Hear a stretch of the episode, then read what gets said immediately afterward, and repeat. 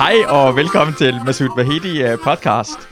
Uh, hvad, synes du om uh, introen, Thomas? Jeg synes, det er skide godt. Jeg synes, det er, for en gang skyld er det en intro, der vil noget. Nå, ja, tak. Hvad, hvad tænker du, uh, min intro vil? Jamen, jeg synes faktisk, der kan være, har været en tendens, når man hører podcast, så er der sådan lidt noget underspillet, irriterende coolness over det. Ja. Hvor det her, det vil mere underholde, og det kan jeg godt lide. Der er noget, øh, på den gode måde, noget cirkusrevy over det. Der er noget badam, bam, nu går vi i gang.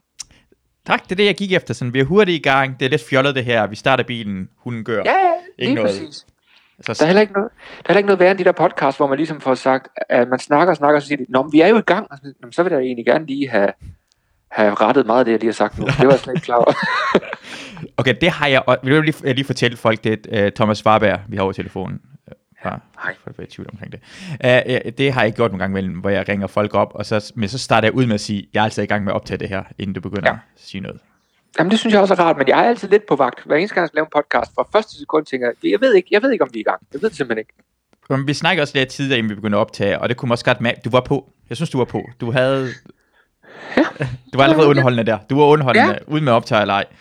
Ja, det er, og, og det er jeg ikke. Jeg, er, jeg, jeg synes, jeg per dag, der går, bliver mere og mere kedelig. Altså, det er virkelig sådan, øh, jeg synes, jeg mere og mere skal tænde det, efterhånden jo ældre jeg bliver, om jeg skal være underholdende eller ej. Når du, øh, altså, kan, du, kan du mærke det på folk, der sådan, er nærheden af dig, og du kan mærke på det, de tænker bare, han, han var meget mere underholdende for fem år siden. Øh, Jeg ved ikke, om de synes, jeg var mere underholdende for 5 år siden, men jeg tror godt, jeg kan fornemme, at de, at de synes, jeg... Nej, jeg tror faktisk ikke, jeg synes, de er kedelige. Jeg kan nogle gange godt... er godt nok ikke højt niveau. Altså, det er bare en lille åndssvagt sjov kommentar, og så griner folk omkring mig. Mm. Markant højere, end den joke er værd. Ja, For jeg tror, jeg tænker, det må være... Altså, der må være flere lag, end jeg tror, der er. Så jeg må hellere grine højere. Men, Ja. Nej, det var faktisk ikke særlig sjovt. jeg kender, det, det er virkelig mærkeligt, at, men man føler sig virkelig også dårligt tilpas, hvis man er, man er sammen med folk, og så er men den eneste ikke griner. Også man nogle gange har man lyst til at sige, den gav jo ikke, hvis den ikke giver mening, så man har også lyst til at ødelægge det, men man skal være høflig bare. Ja, ja, lige præcis. Lige præcis. Uh, jeg, jeg er rigtig glad for, at du gerne vil være med i den her podcast, Thomas. Og jeg er glad for, at jeg blev spurgt, og i særdeleshed de her dage, altså jeg siger jo ja til ting, for jeg ved, hvad det er, fordi man sidder bare hjemme og keder sig. Men det her jeg nu have sagt ja til, selvom der ikke var corona. Tak, det, det er jeg rigtig glad for, fordi jeg, jeg udnytter det her. Jeg udnytter, at folk ikke har noget at lave, og, og, og, og jeg lægger også mærke til, at det er nogle folk, der siger, at de er i gang, de har travlt, og det ved jeg, de er løgn, og det er bare fordi, de kan lide mig. Det må det være. 100, Ja. 100 procent. Altså det er også det der med, altså jeg, jeg er ikke særlig god til at tage telefonen, for eksempel. Det, det er en ting, jeg arbejder på at blive bedre til. Også at svare, jeg kan komme til ofte hvis, hvis det er noget, jeg gerne vil svare på, altså virkelig vigtigt, så tænker jeg, åh, oh, det skal jeg lige tænke over, hvordan jeg svarer, og så glemmer jeg alt om det. Mm. Og det der med, at også nogle gange ignorere et opkald, fordi man ikke lige kan magte det nu. Mm. Du har ikke undskyldning længere, hvor du kan sige, nej, men jeg så ikke lige dit opkald. Fordi vi ved, alle sidder og kigger ned i deres telefon Ja. 24 ja. timer i døgnet. Men det gode ved det er, at vi har accepteret det jo. Vi har accepteret det som en undskyldning, at, at du måske ikke har været nede i en telefon, for du ved godt, du kan ikke sige til hinanden, det passer ikke, fordi du har også selv lyst til at bruge din undskyldning en anden dag. Det er Vi kolder ikke hinanden ud på det. Ja, det er rigtigt nok. Vi har, vi har, det, er sådan en, det er en høflighedsløgn, Ja. vi alle sammen kender. Det, det, det, det er det der, man- siger også, også fordi hvis du kommer... Det er alt mulige ting, men, men det, er- det er bedre at lyve, end at sige sandhed. Ja. Så jeg kan jo nogle gange faktisk, hvis, jeg, hvis, hvis der er en, der har... hvis der er en af mine kollegaer, der har skrevet til mig og skal have et svar, og jeg så tænker, okay, den skal jeg lige svare på lige om lidt. Og så kommer jeg på et godt tweet. Tænker, jeg, det kan jeg jo ikke tweete endnu, for så ser Ja. jeg jo, har været med telefonen. Ja. det, det er problematisk med alt det her. Ja. Ej, man skal tænke over. Jeg, jeg, jeg, har, jeg, har også, jeg, jeg har også prøvet, at folk har skrevet til mig, hvor jeg har sagt, jamen du har, du har lagt det her op,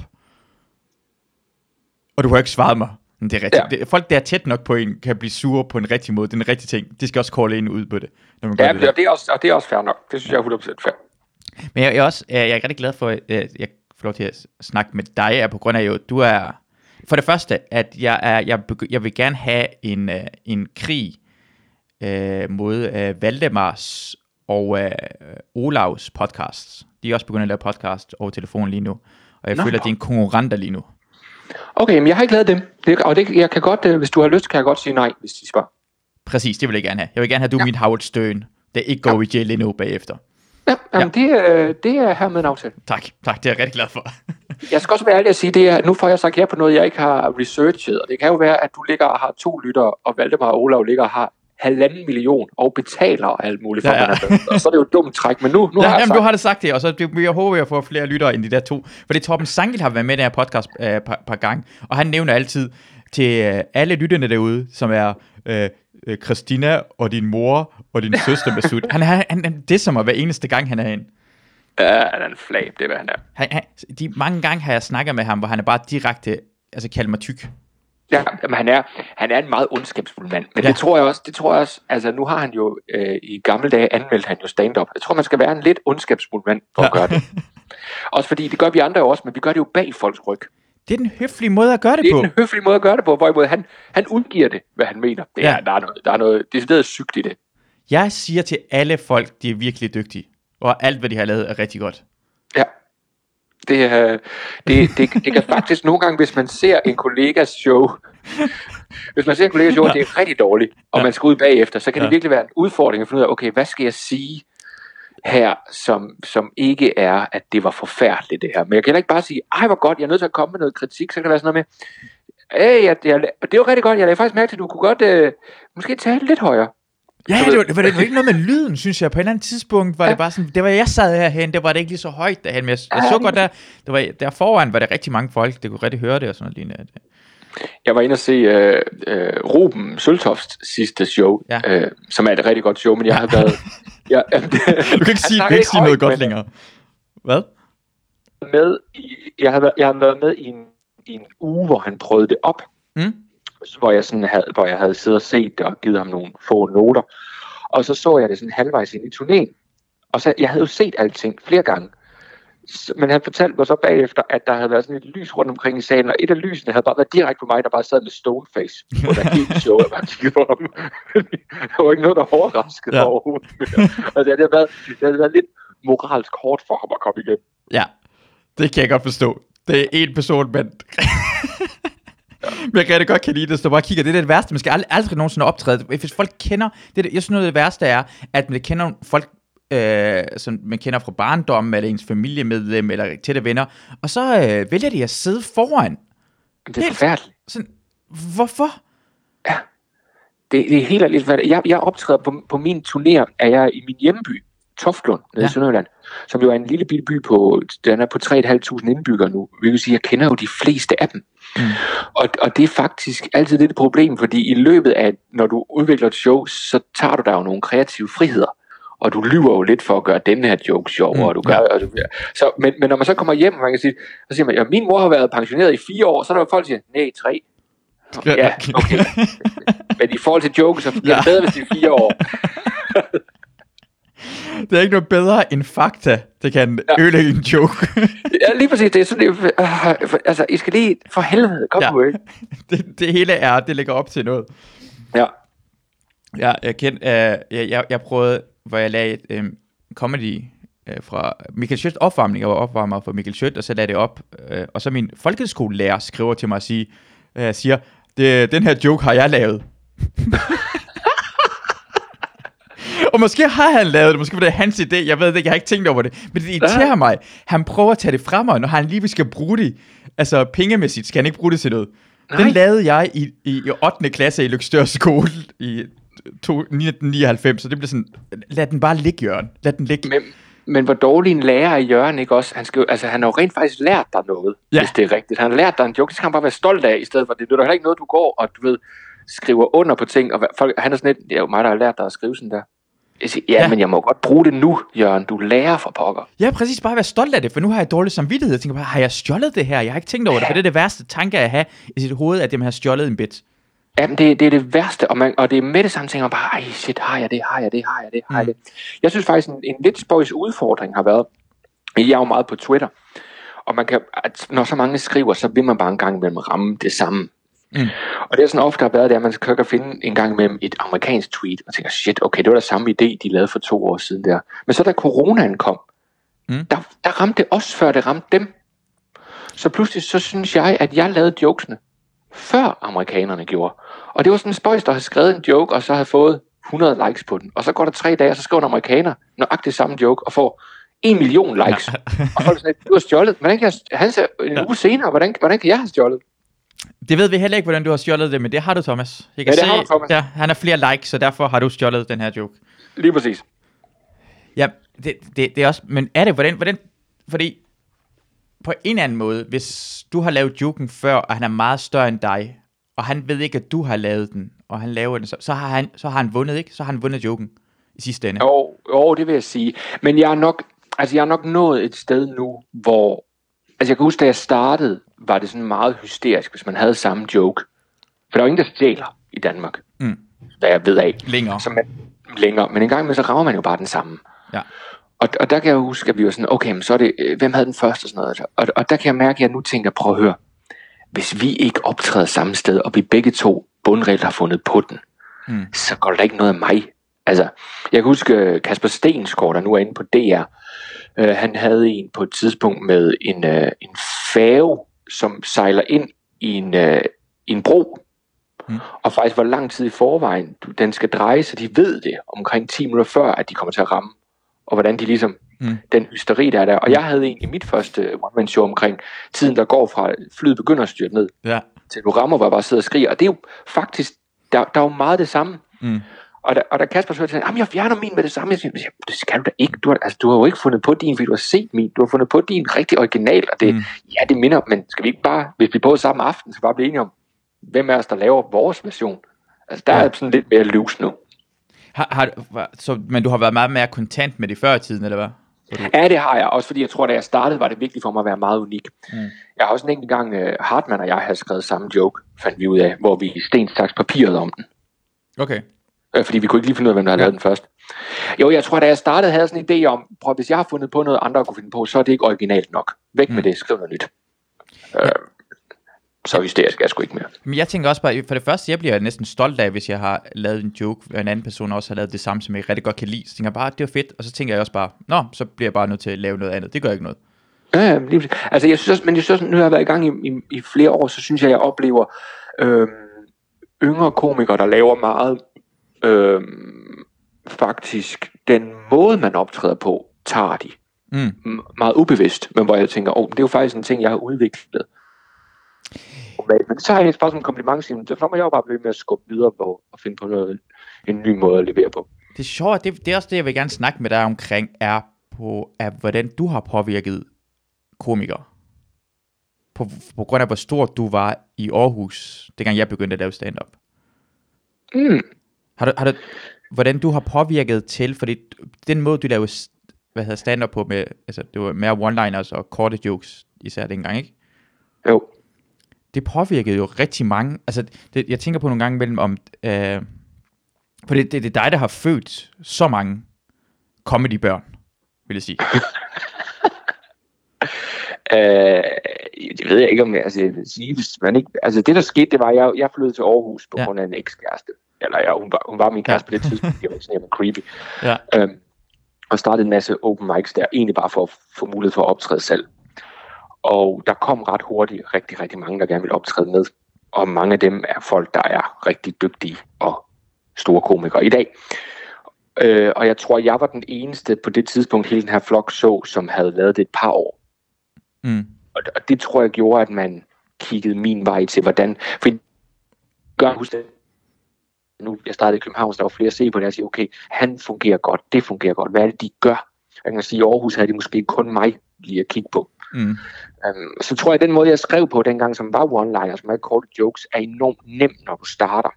Fordi du skal egentlig ikke tænke tema, du skal ikke tænke, hvad mener du med det her? Du skal, ikke, du skal egentlig bare tænke, hvordan får jeg den her sætning til at give et grin?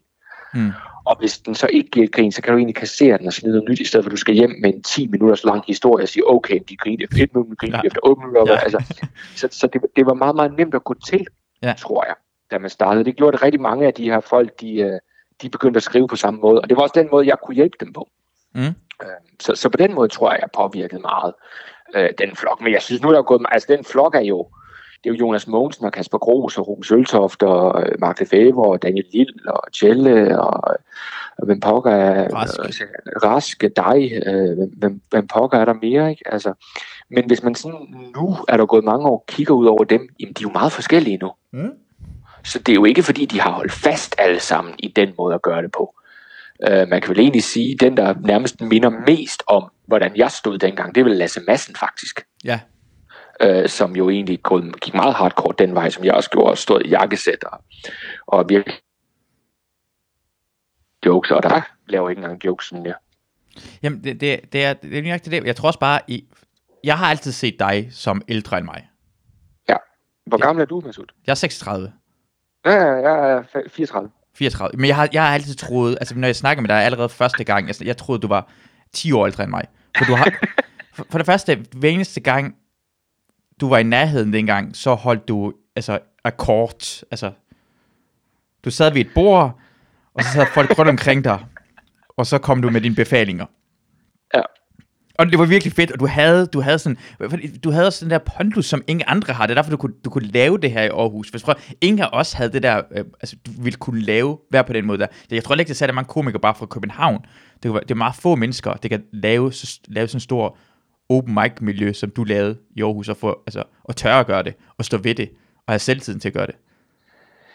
Der var nok noget ungdommens dumhed, når jeg ser tilbage, faktisk. Jeg tror ikke, at det var, jeg ved ikke, at det var, at der var noget klodskab i det. Jeg tror, jeg var et lille, lille arrogant snotvalp. men, men du var fucking god til det. Så hvis du var arrogant snotvalp, så var du fucking god til det. For, men, men altså, man troede på det. Du havde så meget, at du gav, altså, du, du, du, du var efter folk. Du var fucking ja, ja. efter folk. Det var sådan helt, altså, jeg blev, jeg blev bange. Jeg kan huske en gang, vi sad på den glade gris, og så er du, er du, er du, du stod vært på en open mic eller sådan noget, og Mark Lefebvre, han, han bor i Aarhus imellem, på det her tidspunkt. Og klokken er fem eller sådan noget, og vi har faktisk drukket hele dagen. Siden klokken 12 har vi drukket i hvert fald, det ved jeg. Øh, så det er ikke, og, så, og så skriver Mark, ah, det er ikke sikkert, at han kan nå at komme hele vejen til København for at være på open mic. Og så siger det bare, nå, så, så, øh, så gider han skal ikke gå på. Heller ikke næste gang. De næste par gange kommer Mark ikke på. Så bliver det bare sådan helt super Mark, fordi han overvejede ikke at tage hele vejen fra Aarhus til København. Jeg var sådan, oh shit! jeg skal være mere, mere sådan, tænke på, hvordan jeg skal opføre mig. Og så har jeg drukket med dig siden klokken 12 den dag jeg har ingen forkommelse om den historie. så jeg tror bare på den.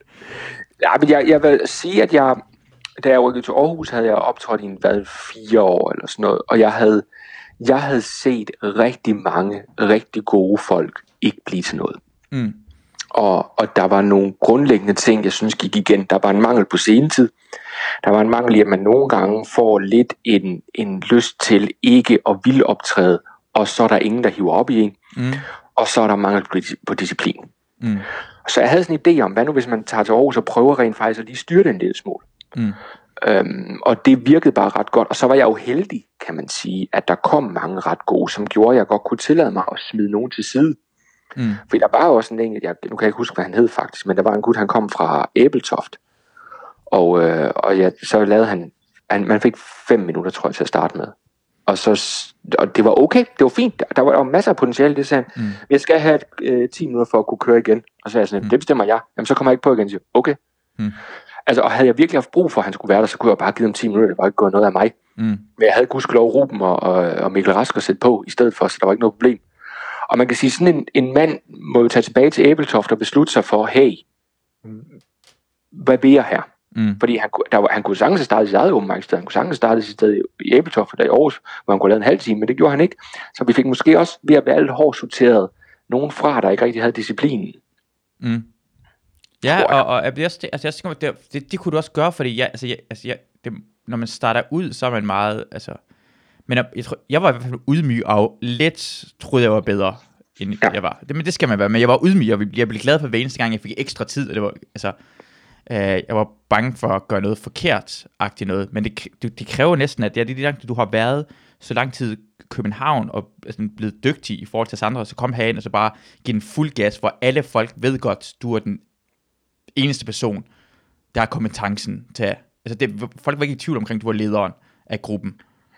Ja, det er nok rent, jeg kan huske nogle gange Rasmus Olsen, han kom over til Aarhus, og hvor han sagde, altså, det, det kunne måske også godt være, at de skulle have at vide, at der er andre måder, ja. man kan gøre det på. Men hvad, hvad siger, det er måske faktisk ikke sikkert, at de skal det de første par Nej. år. Fordi det kan godt forvirre en lille smule. Altså, ligesom sige, hey, hold dig til det her et år, eller to, eller tre. Ja. Så, så har du en base, så kan du bygge videre. Altså det der med at lære at tegne tændstikmænd. Ja. Det var der også, da jeg tog fra øh, København, der var der også en meget, meget stor var meget, folk var vilde med Stuart Lee. Mm. Noget. Der prøvede de alle sammen at gå op og prøve at være langsom og mene noget. Og der var ikke ja. dem, der de havde talentet til at være sjov. Men, altså, de havde ligesom ikke lært at lave en punchline endnu. Ja, ja. så, øhm, så det var ligesom øh, måske også det, der lå lidt bag øh, at prøve at gøre. Det, det, det er sjovt Men det er ret sjovt. Ja. Nå, så det er ret sjovt nogle gange, når jeg så er tilbage i Aarhus nu, så kan jeg sådan sidde og kigge på måden, de sådan bygger det op på, og tænke, det er jo egentlig, det er jo egentlig lidt åndssvagt lavet det her. Og så kan jeg sådan sige, hvorfor, hvorfor prøver man egentlig ikke at ændre det over til det? Og så kan det være sådan lidt, men sådan har vi altid gjort. Ja, Ja, fordi jeg bestemte det. Ja. Ja. Nu, nu kommer jeg og siger noget andet. Ja. Så hvorfor prøver vi ikke noget? Det er noget jeg har gang besluttet, nu er det blevet lov. Altså, det var jo ikke lov, det var mig, der fandt på det ude på toilettet. Altså, vildere var det jo heller ikke. Du er Moses, der har skrevet det ned. Det er ja. Ja. Guds befalinger, og vi kommer ikke til at ændre det. Vi har altid gjort det siden 2009, Ja, da Thomas Warberg kom til Aarhus og nedskrev reglerne. Og så kan jeg stå nu som Moses og være lidt, jamen, øh, punkt nummer 8 der giver jo ikke mening mere. Du burde skrive til det, hvis du er i tvivl omkring noget. Hvordan, øh, hvis ham der manden har lavet så lang tid, skal han gå op på 15 minutter, eller skal han bare være nede på 10? Ja, det var det. Og du skriver altid, han skal blive ned på 10. Vi ser Ja, ja, lige tvivl præcis. ned på 10. Altid, when in doubt, smid, smid ham ud.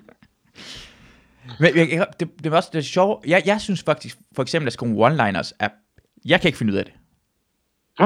Jeg, kan ikke, jeg ved ikke, hvordan man gør det. Jeg, jeg er meget fascineret af det. Jeg synes, det er rigtig sjovt. Jeg ved ikke, hvordan jeg gør det her. Jeg synes... Øh, øh, Det, han, det handler om volumen. Det handler om at sætte sig ned og sige, nu skriver jeg 30 sætninger. Ja, Og, og nogle af dem skal nok få dig til at fnise. Og dem vil jeg så vælge ud, og så vil jeg gå på en scene, og nogle af dem skal nok få publikum til at fnise, og så har man en one-liner. så måske skal jeg prøve at gå op sådan, lave nogle gange, øh, gå på scenen og sige, at jeg laver 10 minutters one-liner. Jeg laver 30 one-liners, og så gør Ja. jeg alt, som du gør. Ja, Bare for Altså, at lære det, blive bedre ja til det. fordi det, altså, hvis jeg sidder med ned og skal skrive 30 jokes, Mm.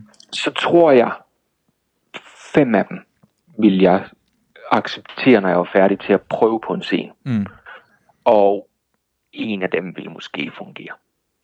Ja, Så jeg tror, siger jeg, gud, det kan jeg godt nok ikke finde ud af, så gør jeg det aldrig igen. Mm. Øhm, hvor man jo bare skal pløje der ud af, og lige pludselig så rammer man et eller andet til, det her, der er sgu et eller andet, der er meget sjovt. Jeg synes ofte også, det er ret vildt, hvor meget den ændrer sig, fra man har skrevet den, til man går på scenen med den, fordi man bare kan mærke, når man siger sætningen, det fungerer slet ikke det her, og så, så taler man lige lidt med, og, og, og så virker den øh, lidt bedre. ja.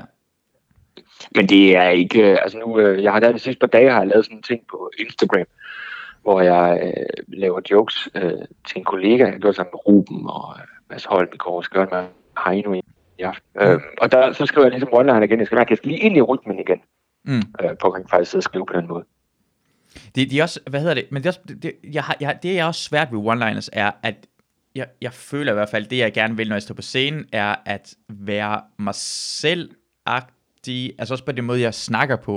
Og det er svært for mig, at det kunne være fedt for mig at lære at lave one-liners, men jeg tror, jeg tror ikke aldrig nogensinde, at jeg kan gå på scenen. Det vil, det vil virke ud af karakter for mig.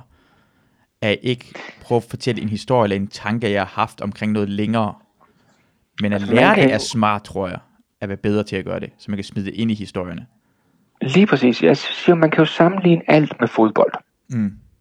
Og jeg plejer at sige, at et rigtig godt stand-up show er jo en fodboldkamp. Man siger, du, du, du, du, du, kan træ, du skal træne alle mulige ting og alle mulige finesser på træningsbanen. Og det er netop derfor, man siger, på en træningsbane, som er en open mic, der har vi nogle gange, man siger, der er maks to afleveringer. Eller, vi prøver kun lange afleveringer, eller vi Mm. gør kun det, og vi prøver et træk, Ja. prøver at spille defensivt. Og når du så går ind i en reel kamp, så har du ingen idé om, hvor bolden går hen. Så Ja. er du bare nødt til at være dig selv, og så håbe på, at noget af det der sidder på ryggraden. Ja. Altså jeg, jeg synes, sådan, det jeg kan fornemme af, hvor mange one-liners jeg har skrevet gennem årene, gør, at når jeg står i en improvisationssituation nu, Ja. så tænker jeg hurtigere, at Ja. punchline skal ligge det rigtige sted. Ja. Og det er jo, det er jo på hardcore træning, jeg har Ja, ja, stået der rigtig mange gange og gjort det.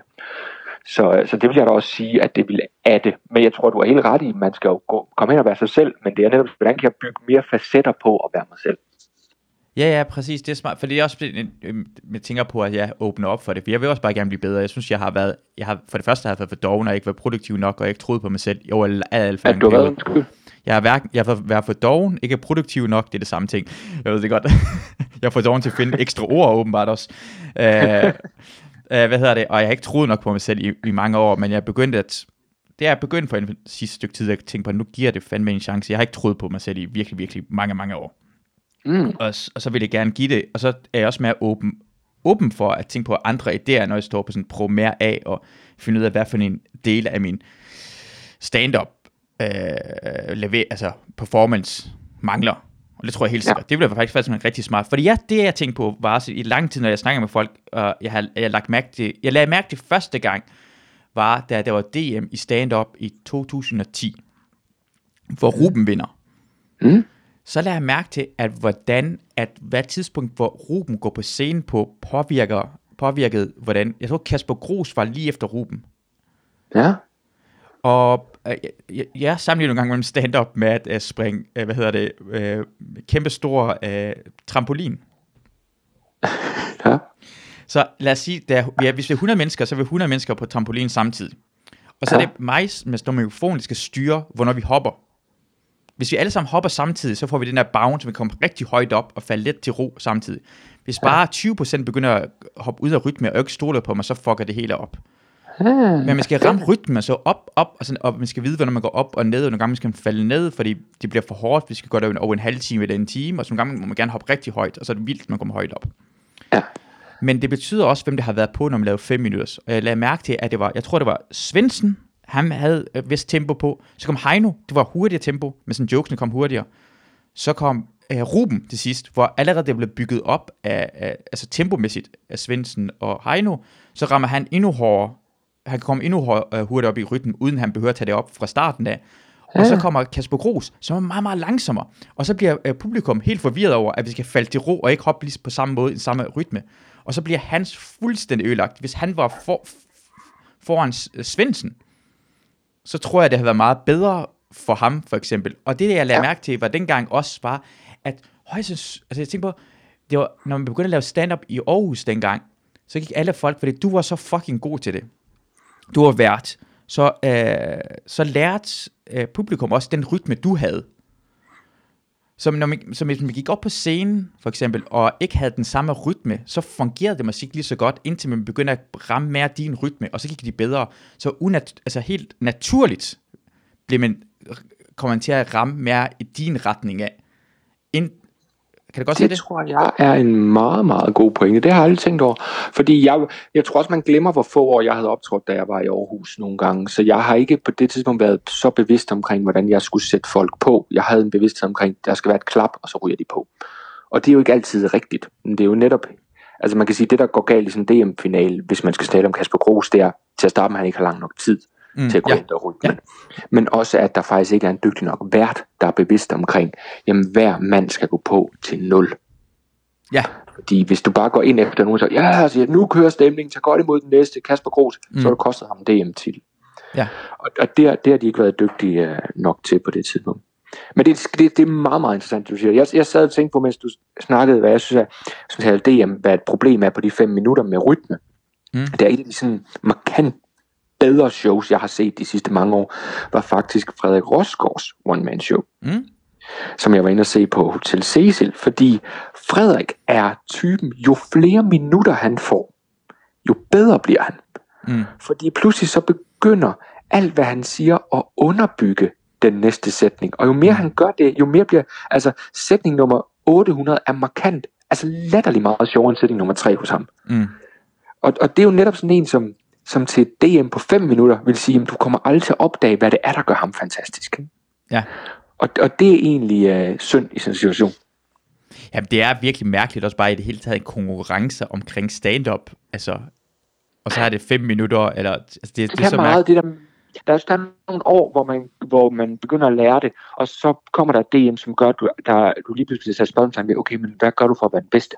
Ja. Og det glemmer rigtig mange. Altså jeg tror, hvis man sådan går rundt på... Hvis man nævner folk, der har været i gang i op til fem år nu med optræde, mm. og så spørger dem, har du været den bedste to aftener i træk? Mm. Så tror jeg, bliver overrasket over, hvor få der kan svare ja til det. Mm. Og det er en ting, de nogle gange glemmer at øve. De glemmer nemlig, altså de glemmer, altså så øver de sig i alt muligt andet at skrive sådan noget. Jo, har du været den bedste? Har du fundet ud af, hvad det kræver at være den bedste. Fordi mm. det er det, du skal kunne den aften. Ikke? Ja. Og det er det, du skal kunne, når du så kommer ud og laver privat job, når du kommer ud og laver store shows, der du skal gå ind, og så skal du bare kunne sætte standarden på første øjeblik. Ikke? Mm. Så, så den kan noget der. Men jeg vil sige, hvis jeg skulle bestemme over DM, så ville jeg synes, det var interessant at sige, jo længere du kommer, jo meget mere tid skal du have, og du bør vel i en finale have 20 minutter. Ja. Og så måske bare lidt færre folk, og så virkelig kunne fornemme, hvor, fordi så kan du netop skabe dit eget show foran folk. Ikke? Ja. Men uanset hvad, det er også i forhold til at være publikum, det er også fra aften til aften. Det er det, jeg synes, det er mærkeligt ved. Altså, det, det uanset hvad, vil det være... Øh, øh, altså, de folk, der er inde og se DM, har en, altså, det betyder også, hvad slags publikum det er. Det er virkelig som musik, er det forskellige genrer og sådan noget. Øh, ja, det kunne, det kunne også, hvis man virkelig vil have en, en alsidig vinder, så skulle man begynde at kigge på at lave en finale af to-tre aftener. Altså, ja. der er også noget i, hvad det gjorde i gamle dage, kan jeg huske, hvor semifinalen var på Comedy Zoo. Ja. Øh, vi jo pludselig gøre, at du var 12 mand, der, der skulle altså, kæmpe om 150 stemmer, som jo ja. er helt absurd, fordi lad os sige, at der er en, der slår igennem, og lige pludselig tager 100 stemmerne, så har du 11 mand, der skændes om 50 stemmer. Altså, det går helt galt. Jeg, jeg, jeg, jeg tænker også på det der, med du fortæller, at man skal være bedst øh, på sådan to aftener i træk. Øh, ja. Altså, uanset hvad, så vil jeg altid gerne være den bedste på den aften, uanset hvem der er på, vil jeg altid gerne være den bedste. Og det, mm. det vil jeg indrømme, at det men nogle gange imellem, øh, tænker jeg også på, jeg, jeg kan også godt være tilfreds med, når jeg går på, jeg ved, den respons, jeg har fået fra publikum, er ikke den bedste, men jeg har været, jeg er langt mere glad for, at jeg har prøvet noget nyt af og anderledes. Ja. En anden aften kan jeg gå på, måske har jeg fået bedste reaktion fra publikum, men så har jeg bare lavet noget gammel ting, som var fuldstændig ligegyldigt. Jeg synes, jeg har bare spildt alle folks tid. Jeg har spildt publikums tid, min egen tid, de andre komikers tid, de komikere, der ikke kom på tid, og så er jeg faktisk virkelig ked af det bagefter. Jeg tænker bare, fuck gjorde det for? Vil ikke turde at gå op og dø? Ja, ja, men det er jo igen, altså, så er vi tilbage til fodbold. Det er, altså, og det er virkelig en fejl hos, synes jeg, mange komikere, det er at vide, hvornår skal du pike? Ja. Og det kan nemlig være svært, fordi hvis man så møder, du ved, stille og roligt. Det skal du nok. Du skal nok bare en 1-0, og det er uden problemer. Mm. Og pludselig så er en eller anden grund, så er bundholdet 30.000 tilskuere med. Ja. Så, okay, så spiller vi os ud, og så er du fuldstændig træt, du møder Real Madrid ugen efter. Ikke? Altså, ja. Ja. Og, og, det kan være svært. Det kan være svært, man er helt nyt, og så kommer du ned på Comedy Sur, og sidder 180 mennesker, du bliver sat til at lukke andet sæt, og den er bare den er lige til at plukke, hvis du bare laver fem, øh, ja, ja, ja, ja. fem gamle jokes, ja. som de elsker dig. Ja. Altså, og så, så, altså det, det er svært lige at holde øh, testiklerne på rette sted, hvis man kan sige det sådan.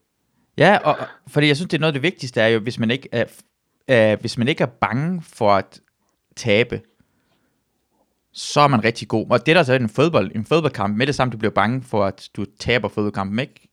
Ja. Så taber du den. Derfor en 2-0, øh, hvad hedder det, føring er den farligste føring. Men det er rigtig nok mange gange, så, bliver det, så går ja. det galt. Ja, der var en, der sagde til mig, 26-27, den er også dum, ikke? Hvad?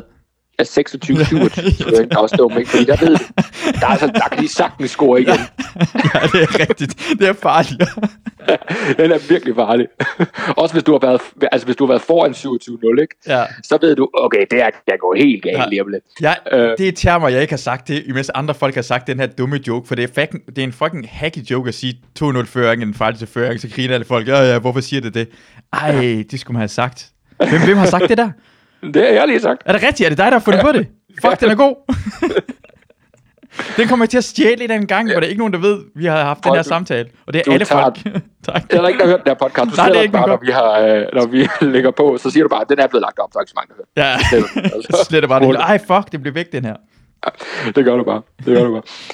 øh, ja, det er, men, men det er, det er rent nok. Altså, jeg, jeg, jeg plejer at sige, når man optræder, nu er du gammel soldat, du kan, sikkert, du kan nok sætte dig ind i det her, men jeg siger, du skal være kaptajnen for kompaniet nede mm. ved Dybelbanke i 1864. Og det er så meget så Ja, men, men og når, de så, når du så kan høre, at de fløjter over for Preussens side, du ved, ja. de er 800 gange flere, end du er, ja. og de har bedre våben. Ja. Så er det altså dit job at kigge om på de der bunderøve, du har i dit kompani, der står med deres bagladede gevær, ja. og så siger du, fremad.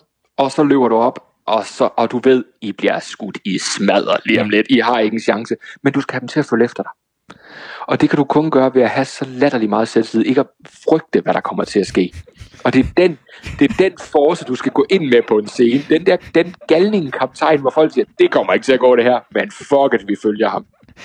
Det er, jeg vil sige, noget af det bedste og værste analogi, jeg nogensinde har hørt. du skal bare være villig til at dræbe alle af de folk, der stoler 100 For folk, der 100% stoler på dig, og bare slå dem alle sammen ihjel. Ja, ja, ja. Gå i det eget død. det er den kaptajn, du skal være.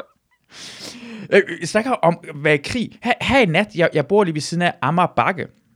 Ja? Ja, det der øh, øh, forbrændingsanlæg, tænker jeg sådan. Og åbenbart, jeg har ikke lagt mærke til det før i nat, og Christina sagde bare, at det har været åbenbart været flere nætter, og jeg ikke har lagt mærke til det her. Så kommer der et bombeangreb. Du kan godt sirenen gå i gang. Det går en, kan godt som bombeangreb øh, sirene, der 5. maj sirenen går i gang. Nå? Nå? Og det, det er fordi, de har en fejl derovre. Nogle gange imellem går den i gang i løbet af dagen. I løbet af, det første gang, det var i løbet af natten åbenbart. Okay. Og Christina fortæller mig, hey, bare, åh, det er bare noget, der sker. Det ikke. Fordi jeg vågner op og tænker, oh fuck, hvad, hvad er det her? Det er en rigtig sirene, det er ikke 5. maj eller noget som helst. Så det kan godt Ja, være, det er nogle bomber eller noget. Og siger mig, nej, nej, bare slap af med sut. Det er bare det er, en, det er en fejl i deres uh, alarmsystem. Og ved du hvad, det er irriterende? Fordi Nej. hun er ikke vokset op i Iran mellem 1983 og 1989 hvor der var bombeangreb, der hvor jeg voksede op hen, hvor vi skulle gemme os nede i kælderen.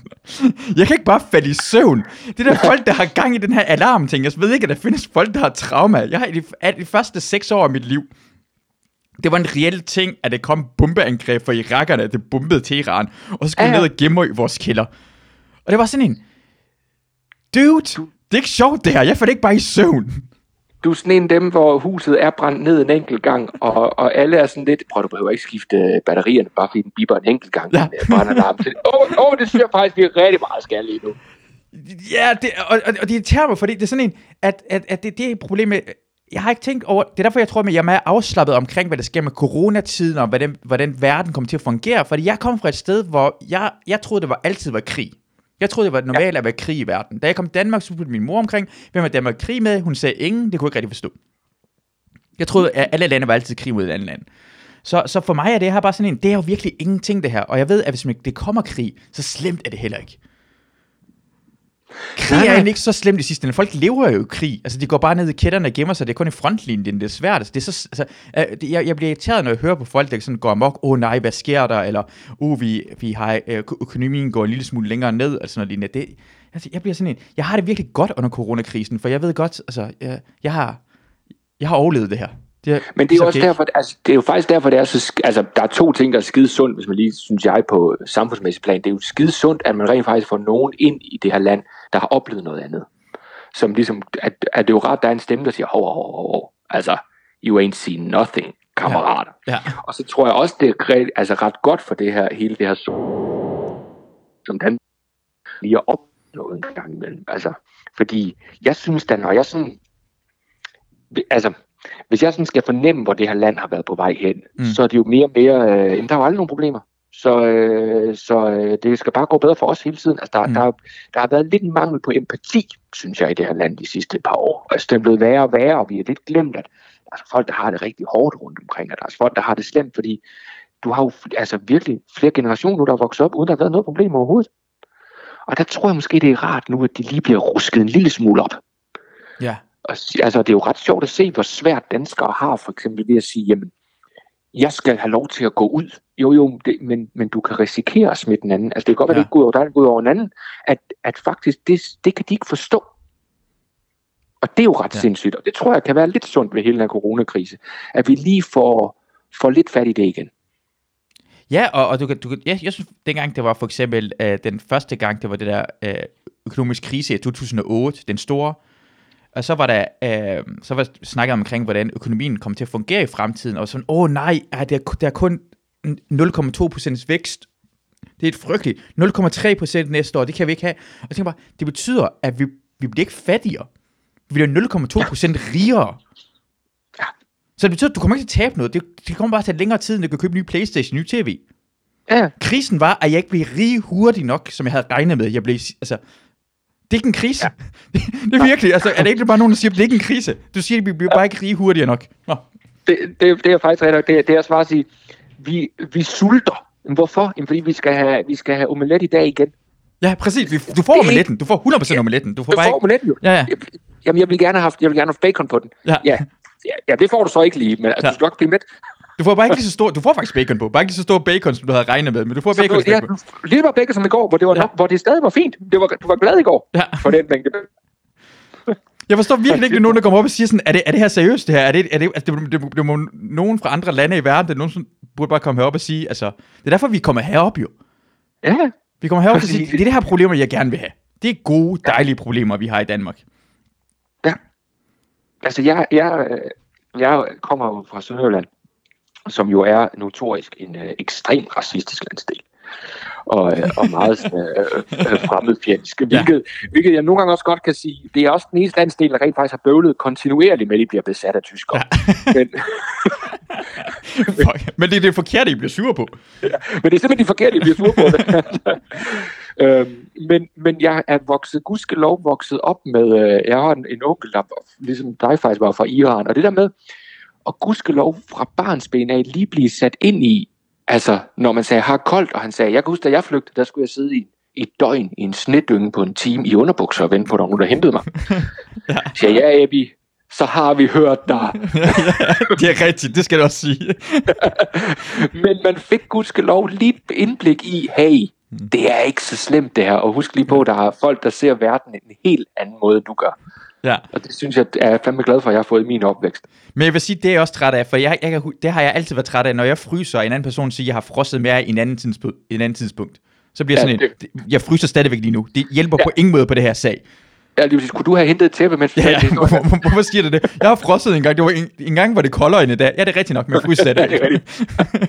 er du fucking historie, eller hvad? Ja, men hvorfor hører vi på det lort? Jeg, jeg forstår faktisk godt, hvorfor... Jeg, jeg, var, jeg var inde og lave en tv-dom i Sønderjylland for fire år siden. Mm. Jeg var en uge i Sønderjylland. Jeg, els, jeg elsker Sønderjylland. Nå, dejligt. Jeg, jeg, jeg, jeg fik lov til at smage solæg. Hold kæft, det er fantastisk. Jeg elsker solæg. Jeg forstår ikke, hvorfor det ikke findes over det hele, men en snaps og det der. Øh, og, og, og, det der, deres kagebord. Og, der, og, og Sønderjyderne elskede mig. Ja, ja det, det var fuldstændig fantastisk. Jeg lavede uh, ringridning, og, uh, og jeg, jeg var hos gamle damer, der bagte brød til mig. Jeg æder bare alt. Jeg spiser bare så meget. Hun var sådan stolt af, at du bliver ved med at spise det. Rigtig nok, jeg elsker at spise.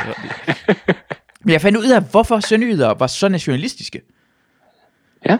Det er på grund af, at hver eneste gang, at du er anderledes end de andre, så tager du noget til dig, uh, som er anderledes. Uh, jeg tror også derfor, at der er mange uh, anden og tredje generations uh, indvandrere, der er meget sådan noget, hey, jeg er, så har de rundt rundt med en halskæde, hvor det står Tyrkiet på, eller tyrkisk mm. flag på. Det er på grund af, at det er det, der er anderledes ved dem. Men de er ikke rigtig tyrker, fordi de har ikke boet der nogensinde. Hvis de tager til Tyrkiet, så er det sådan, vi render jo sgu ikke med sådan en flag rundt omkring vores hals. Ah. Men Sønderjylland har haft samme ting, for de har, vi var en del af Danmark, og så var det en del af Tyskland. Ja. Så de bliver nødt til at holde fast i deres danskhed rigtig meget. Ja. Så det kommer tilbage i Danmark, så har Danmark udviklet sig. Danmark er ikke Danmark i uh, 1864 længere. Og så er Sønderjylland blevet, hey, hvorfor vi, vi er det mest danske, fordi vi har holdt fast i danskheden fra, de har holdt fast i nogle traditioner, som de andre danskere ikke har. Og derfor følger de sig mere danske. Og så har de også nogle ekstra traditioner, som de har taget fra tyskerne, som de andre danskere ikke har. Så Sønderjylland er blevet meget mere øh, taget den der danske identitet meget mere hårdt til sig, fordi de er nødt til at forsvare det mod tyskerne. Jo ja, mere du skal forsvare det, jo mere tager du til dig. Det tror du er helt ret i. Og så var der også en, der sagde til mig, så er de også de eneste danskere, der har valgt at være det. Ja. Øh, som faktisk også betyder noget, ikke? Derfor burde det også være, at jeg burde være mere dansker, for jeg har valgt at komme hertil. Ja, men det er du da også. Ja, men jeg... jeg, jeg, jeg men jeg du siger, har jo ikke valgt... Har du valgt det? Jeg, Eller jeg, har din mor valgt det? Ja, min, min joke er også bare, at min mor, søster og kusine flygtede, for det er det dårlige forhold for, forhold for kvinder i Iran. Jeg er blevet kidnappet. For mænd er det jo fantastisk at være i Iran. Jeg forstår ikke, hvorfor jeg, hvad jeg laver herhen. Har vi flere rettigheder? Er det bedre? Kan, vi gøre, kan jeg bare slå en kvinde, hvis jeg har lyst til det? Hvorfor, hvad laver jeg her? Jeg kan ikke slå en kvinde. du er faktisk blevet undertrykt helt ja, vildt. Ja, jeg er blevet kidnappet. Ja, der er jo lige nu, der er jo lige, der er jo lige nu små celler i gang med at få dig tilbage til frihed. Ja, ja. Hvad fanden laver jeg? Jeg er ikke engang sproget længere. Det, altså, jeg kan godt, men jeg kan ikke læse og skrive. Det pisser irriterende. Det er sjovt. Det er kraftigt, det er sjovt. Men, men, men, hvad er det, Ja, men, jeg, jeg, men alligevel, uanset, jeg, lad os sige, jeg er mere dansker, lad os sige teknisk set, fordi jeg har også altså, øh, taget i krig for Danmark og sådan noget, ikke? Mm. Øh, men jeg vil jeg ved med, det, det er på grund af, at jeg er træt af, at racister ofte ikke er logiske. Og det er et ja. problem.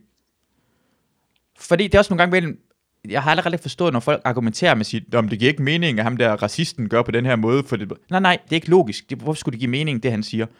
Han ikke kan lide. Og det er derfor, jeg er også bange for, når racister kommer til magten i Danmark, kommer ikke til at være logiske omkring at sige, nej, Masud, selvfølgelig, du har været i krig, og du kan dansk, og du skal selvfølgelig have lov til at være der.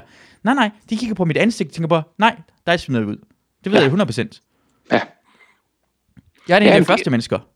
Ja. Altså fordi jeg går ud fra sådan Melvin og, og har barnet, de er mørkere end mig, så de ud før mig, men så bagefter, så er det min tur. Oh, jo, der er, der, er et par, der er et par kategorier før dig, men Ja. du er en høj kategori, ikke? Ja, ja, ja, 100% kommer jeg til, ja. Ja.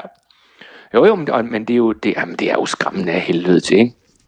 Øh, alt det der, og, og, du, og du kan jo ikke, problemet, du kan jo ikke argumentere mod en racist, fordi de, deres modargument vil altid være, "Men det synes jeg, Ja, selvfølgelig. det kan jeg godt tænke mig, du synes anderledes. Nå? Ja, det kan jeg da godt se, det kan jeg da ikke argumentere mod. Så kan du komme med alle dine, så kan du komme med alle dine analyser og pisse og kadel, ikke? Og det, og det, det nytter ikke noget. Det er jo faktisk en lille smule, jeg hørte, læste på et tidspunkt, skulle du, måden du faktisk skal prøve at argumentere mod en racist, det er at gå med og sige, jamen hvad er det så, du vil? Mm. For det gør folk ofte ikke. De siger, jamen kan du ikke se, at det er forkert? Med at sige, okay, fed idé, fed idé, men hvad så, når vi har gjort det? Hvor skal vi så hen? Hvor skal vi så hen? Fordi det er de slet ikke, så langt er det slet ikke tænkt. Jeg, jeg har snakket med Rasmus Paludan, han skal med i det her podcast, bare du ved det. Okay. Og det er præcis det, jeg vil gøre. Og du er Men, den første øh, person, der vil næsten, det er det nøjagtige, jeg vil gøre. Jeg vil gerne høre, hvad, hvad betyder det så, når du smider folk ud, hvad skal det så gøre? Altså, Ja. hvordan bliver Danmark? Jeg, for jeg, har- jeg har ikke hørt ham færdig nogensinde. Folk står og kalder, råber Hitler til ham og siger, han er, det ved jeg da ikke, han er nok ikke Hitler. Lad os lige høre historien færdig. Hvad bliver det så til? Ja, han har lov til at have den holdning, synes jeg. Jamen helt klart, man siger, hvad er så, okay, men- og jeg skal simpelthen bare forstå, hvordan gør vi det? Mm. Og, og, hvordan, og hvordan, hvad så 100% kommer det til at fungere? Og Nå, okay. Fordi, og nu siger jeg noget helt skrækkeligt, ikke? Mm. Men racisme kan jo faktisk godt, det kan jo faktisk godt være, at de har ret. Ja, Altså det kan jo godt være, at det hele ville fungere meget bedre, hvis vi bare satte mure op mellem alle. ja, Altså det er jo, det er jo en teori, Ja, som vi heller 100%. ikke har testet. ja, ja. vi står bare over i den anden side og siger, vi tror ikke, den teori er god. Vi tror, det er bedre at åbne alle grænser. Ikke? Ja, og, og, men det har fungeret, rigtig mange steder i verden er der ikke så meget, altså folk snakker omkring det ikke racisme i andre steder i verden, det er på grund af, at de har allerede smidt alle deres indvandrere ud jo. Ja, ja, det, det er jo rigtigt. Altså det er ikke så, mange sorte eller hvide mennesker i Kina, eller i Japan eller noget, for de er allerede sådan, det er ikke, det, det, det, de har ikke problem. Og jeg forstår det godt, det er faktisk, jeg synes, at det er en teori omkring, at det giver mening, at, at det, det, det skaber jo, øh, altså sammenhængskraften forsvinder, jo mere vi ser anderledes ud og har forskellige kulturer. Det er et problem. Men jeg, jeg tror, at jo mere også forskellige idéer, vi kommer med, gør, at den skaber øh, dynamik i samfundet, som gør samfundet stærkere. Men det er ligesom at lave et bål. Du må ikke have for mange, du må ikke, du må ikke øh, lave bålet for stort, og så brænde et hele huset ned. Så jeg synes godt, man skal være opmærksom på, at det må ikke være for mange, der kommer til. Det må man også gerne sige. Altså, jeg synes, Jeg at der er mange øh, venstreorienterede, der ikke vil indrømme, at det kan være et problem, det kommer for mange til. Så vi skal lige kunne, vi skal kunne følge med. Ja, præcis, det skal man, og, og, det, og det, det, det irriterer mig nogle gange, men man, man snakker med folk, det, det, at, at folk også bliver kaldt racister, bare på grund af, at de nævner, at det kan være et problem. For det er Ja, ja, ja, selvfølgelig det- et problem. Det er faktisk, hvis man siger, det er lidt den samme øh, doktrin, der lige nu er omkring ligestilling. Mm. Faktisk, der, der er ting, du som mand slet ikke engang må stille spørgsmålstegn ved mere. Fordi så er du bare en idiot nu.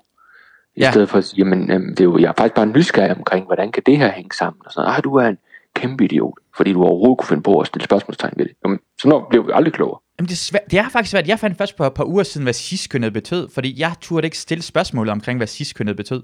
Fordi jeg ville Ja. føle mig som en idiot, fordi jeg ikke vidste, hvad det var. Og så kom jeg i tanke om, det bliver jeg nødt til at spørge om, for jeg vidste faktisk ikke, hvad det var for noget. Jeg talte i går med en person, der er non-binær. Ja, Som vil Er det Mads Holm? At, ja, det er Mads Holm. Ja. Nej, det vil sige, at vedkommende øh, vil ikke kaldes han eller hun, men kaldes de. Var ikke, øh, ikke hysterisk omkring det, men er det dronningen? det er jo dog, men definerer sig ikke som køn. Det, der så var ret interessant, det var, Ja. Personen var så blevet kærester med en pige, som er lesbisk. Ja. Men, fordi den lesbiske jo nu er sammen med en non-binær, så er den lesbiske jo ikke lesbisk mere. For den er jo ikke bare tiltrukket af ja. kvinder. Lesbisk er jo tiltrukket af en, der ikke er et køn. Så ved at, ved at være sammen, så tvinger den non-binære faktisk den lesbiske til at ændre seksualitet. Og jeg tænkte, det, det, bliver, også, en- det bliver også indviklet efterhånden, ikke? Ja, du spurgte bare, er I to sammen? Og så fik du bare den der lange tale, så gør det. Det var ikke det, jeg spurgte. Kan du bare ikke sige ja eller nej? Kan det? Ja, jeg, skal, jeg, spurgte, jeg spurgte bare, hvor mælken er henne. Ja, ja. Men hvad- I forhold til, og det er en ting, jeg har lagt, har lagt mærke til, at i fodbold, ikke, ja. der er øh, racisme overraskende meget tilladt i forhold til, hvad du gør i resten af samfundet. Altså det er 100% i orden i fodbold at sige, vi skal nok have en, øh, vi skal nok have nogle flere afrikanere på holdet. Ja, ja. De, er, de er stærkere, de løber hurtigere. jeg, jeg, jeg, jeg tror ikke, vi kan sige det på den måde, Thomas. Men det er alle folk mener, vi skal have flere folk fra sådan noget, øh, sådan nogle stærke, sådan stærke og høje, mørke, altså fra ja, Afrika-typer. Men, men, det, men det siger de, og det er så, jeg, jeg, hørte, jeg hørte oprigtigt en, uh, i fodbold FM, hørte jeg en, uh, en, en, en træner op for Lyngby sige, mm. uh, problemet med danske spillere, siger han, i, mm. rundt omkring, i, når de kommer ud med, de er måske ikke så fysisk stærke, men de er nok, de er nok deres force er, at de nok har bedre hjerner. okay, ja, ja. Det, tænkte, well, that's kind of racist. ja. Den holder ikke tidens stand, vil jeg sige. Men der er sådan noget med, du ved, det er bare på en eller anden måde i orden at sige. Ja, ja.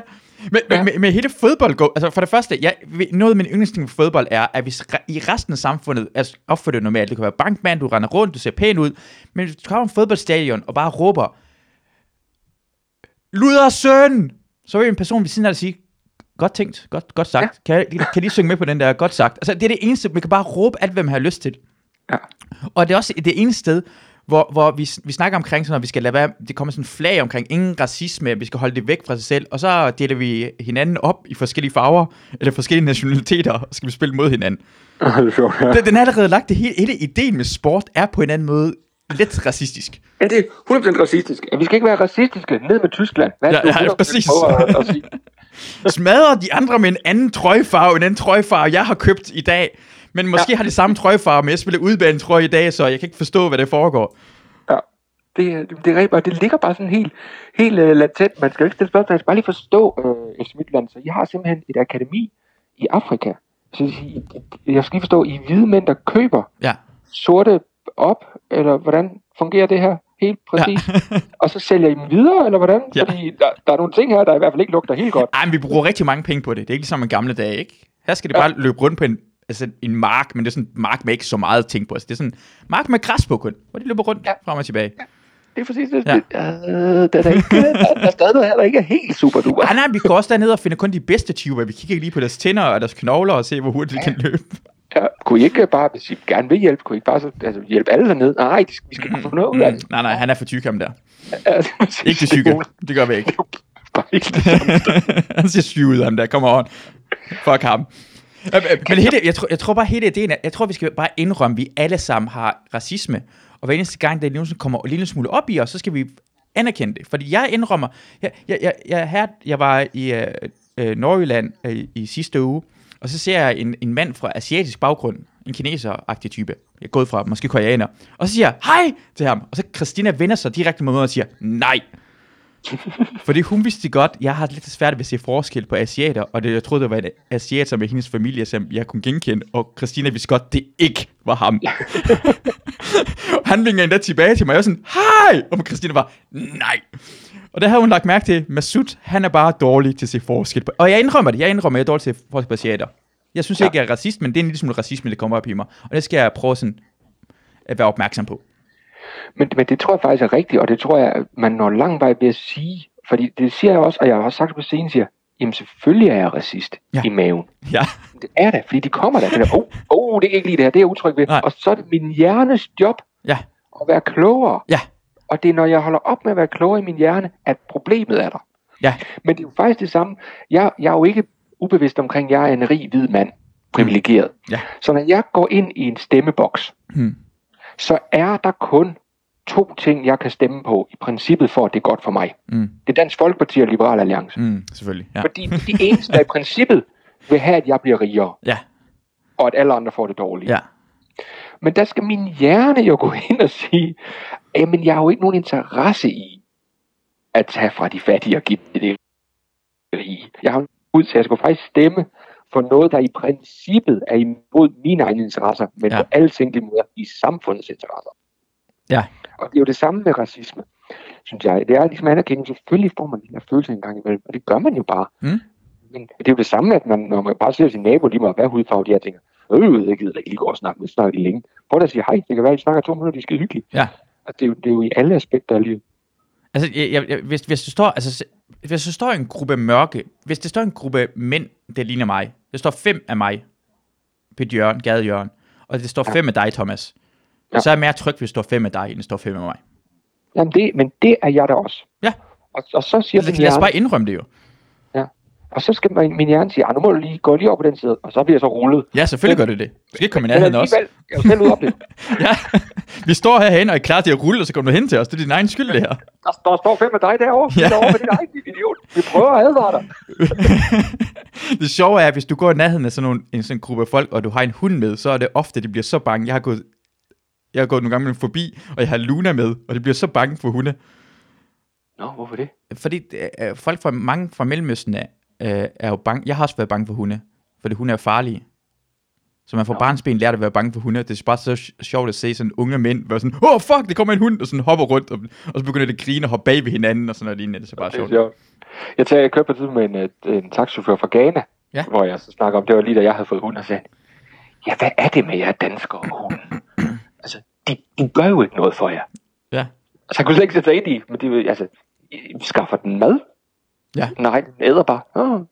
Ja. Så, jamen, det var, det var Men, men, men jeg, jeg, har, jeg, har, jeg har haft en diskussion med øh, øh, i fuldskab øh, med en ven, og øh, jeg tror, jeg kom frem til, at at være menneskelig er at gøre noget, det ikke giver mening. Det, det gør forskel, at være, øh, altså være robotter og mennesker. Altså hjælpe en anden person, der er svag, det er hu- humanistisk. Ja.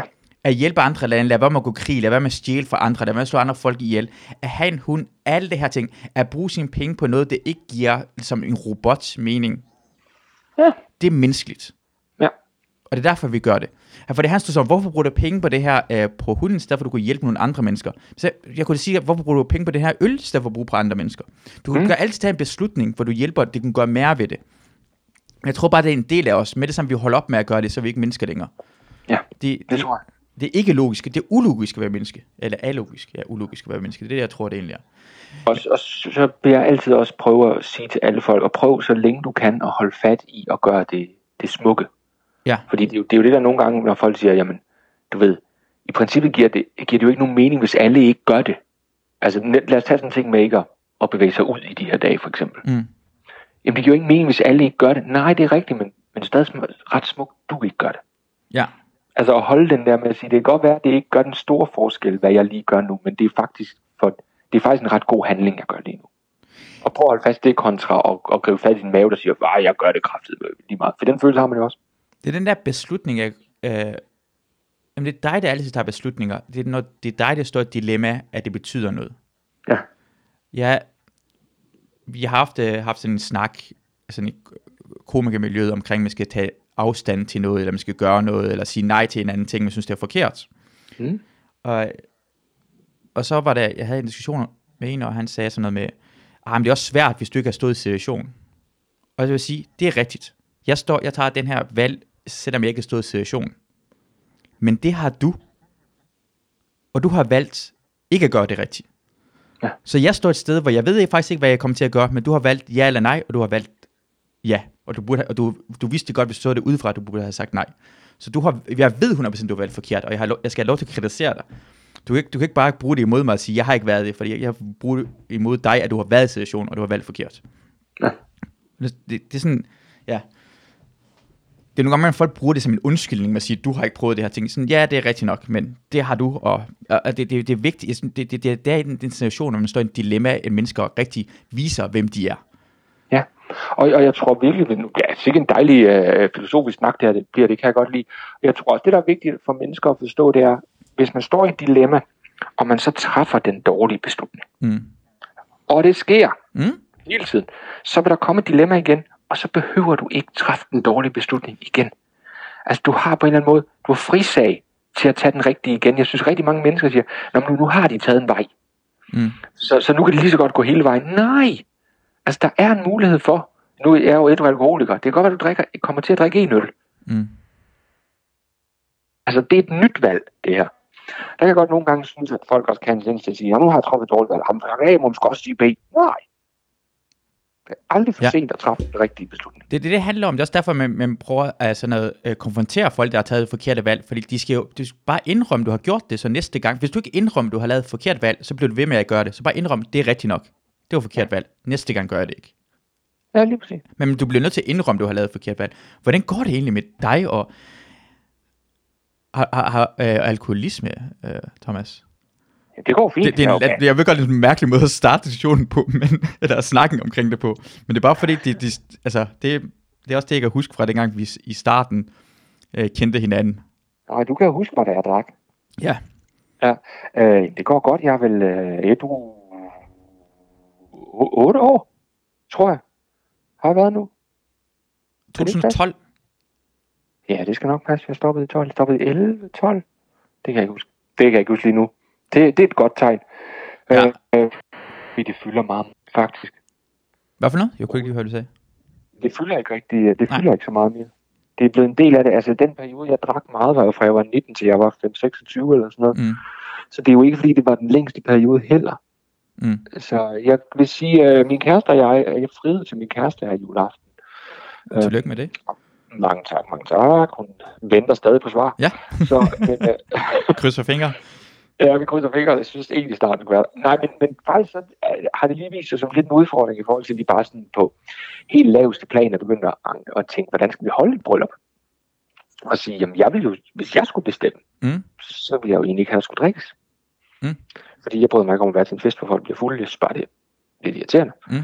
Men min kæreste, som jo ikke har noget problem med, at sige, jo, der skal også være lidt, altså, folk bliver bare mere løsluppen. Det kan jeg også godt se. Mm. Og så har vi levet rundt på forskellige steder, og det er sådan lidt, okay, men det bliver så også meget, men så er det jo inklusiv fri bar. Og jeg er sådan lidt, hvad nu hvis jeg ikke vil have fri bar? ja. Så er det samme pris. Det forstår jeg slet ikke. Hvad er jeres alternativ, hvis man ikke vil drikke? Uh, så, så, du kan bare se, at vi bliver blanke inde bagved. Det ja. ikke op. altså, og det er sådan noget, jamen, øh, vi har en vinkælder, vi kan, på, vi kan bare have den helt perfekte vin til hver eneste ret. Men hvad så, hvis man ikke vil have vin? Hvad kan I så parre det med? Cola. Ja. jeg, jeg, jeg, jeg, jeg slet ikke noget alternativ. Jamen, det giver ikke noget mening. Altså, det er noget mere mærkelige ting. Altså, det, folk har virkelig svært at forstå det her ting. Det er sådan en, du, du er virkelig sådan, altså, det, det er det nye, mærkelige noget at være sådan, nå, okay, jeg Ja. slet ikke alkohol. Ja. Ja, ja det er virkelig, øh, vi, vi, vi kan slet ikke, øh, og det synes jeg, så det, det går vi meget, det er sådan der, hvor den fylder på tiden. Vi går meget og diskuterer, hvad kunne være den, den helt rigtige løsning at gøre til sådan en fest, for at, at det kunne være sjovt.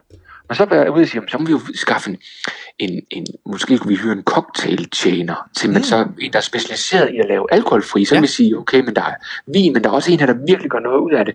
Mm. Så undersøgte vi det. Det koster tre gange mere end en normal cocktailtjener. Det er dumt. Hvorfor skal det koste meget mere? Det er fucking dumt. Så, så det er sådan, der, Det er fordi, I er desperate jo. I er desperate. Hvordan, hvor, hvad skal jeg ellers gøre? Jeg koster Ja. tre gange mere. Sådan er det bare. Og så har jeg prøvet at være, så har jeg været omkring at købe sådan nogle, øh, jamen det er rigtigt, så har jeg været omkring at købe sådan nogle øh, fancy øh, bubble teas, tror jeg de hedder, som er Åh, ja. sådan nogle champagneflasker, for at se, okay, Ja. kunne det være noget? Og de koster, jeg tror, de kostede 160 kroner stykket. Og, så, og det smager, det smager, som om nogen har spyttet ned i glas vand. Altså, det er, hvad det smager. Det er, aldrig, det er aldrig godt, hvis det smager på den måde der. Ej, Jeg er nej. ikke vild med spyt i vand. Så det, øh, men jeg vil da sige, at nu hvor man oplever den her coronakrise, ikke? Mm. Kæft var jeg glad for, at jeg ikke drikker. Altså, er du sindssyg? Det har været voldsomt også for min stakkels kæreste. Og altså, for, altså prøv, og det er jo faktisk en ting, vi slet ikke lægger meget mærke til, men det der med, at du har lukket alle værtshus på, det har tænkt mange familier, der lige nu sidder hjemme med deres alkoholiserede oh, ja. mand eller corona, ikke? Altså, det er jo en katastrofe lige nu, hvad der sker for mange mennesker, og ikke kan ja. gå til AA-møder, og ikke kan, altså, der er jeg gudskelov velsignet, at, at jeg ikke har brug for nogle af de ting, og har fundet min vej i det, ikke? Ja. Ja. Jeg havde stadig drukket, men jeg har bare været... Og jeg er faktisk ikke sikker på, at jeg kunne have overholdt... Jeg tror ikke, jeg havde opdaget, hvor slemt det havde stået til, hvis jeg havde drukket. Jeg var en af de her typer, der har væltet rundt ned. Hvorfor, hvorfor, folk, hvorfor vil I ikke krabbe ned i menu? Ja. Altså, Men du var også, du var også vel, altså jeg, jeg lader aldrig nogensinde mærke, det var et problem, men jeg er også en person, når jeg kigger på folk, der gør sådan noget, drikker, for, altså, drikker lidt for meget måske, eller sådan noget, de tænker bare, ja, det skal de bare gøre, det nyder de bare. Mm. Og jeg kan huske, du var rigtig, jeg kan huske en gang, hvor jeg så dig inde på, i Aarhus, hvor du, du rend, jeg tror faktisk, du rendte rundt i dine underbukser.